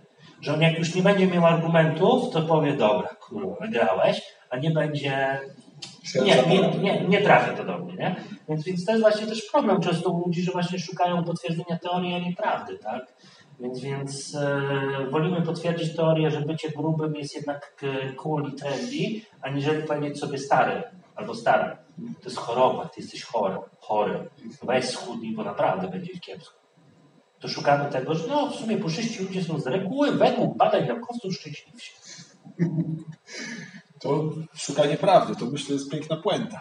No, W takim razie dziękuję Ci bardzo Dziękuję za dzisiaj. E, Zapraszamy do Pawła na właśnie, na fanpage'a na pewno na Facebooku, na Instagramie. No, można na moją stronę. Na bloga na stronie linki wrzucimy pod, y, pod filmem. Książka będzie, mówisz, na jesieni Może prawdopodobnie. na jesieni, może na zimę. Zależy jak się będzie pisało, ale mam nadzieję, że no jakoś uda się to na jesień, Dobra. późną jesień To sprawdzić. też będziemy wrzucali informacje, zresztą pewnie jeszcze na jesieni z okazji wydania książki się jeszcze raz spotkamy Można, jasne. i pogadamy. Super. Dzięki Ci bardzo. Trzeba ją wydać na jesień, to wracam do pisania. Dobra. Wszystkiego dobrego, oby noga się goiła jak najszybciej, chociaż jak mówisz, że Ci nie przeszkadza, że siedzisz w domu, to siedź i pisz, a jak się zagoi, to widzimy się z powrotem na treningach. Jasne. Super, Dobra. dzięki. Dzięki wielkie. I piąteczkę.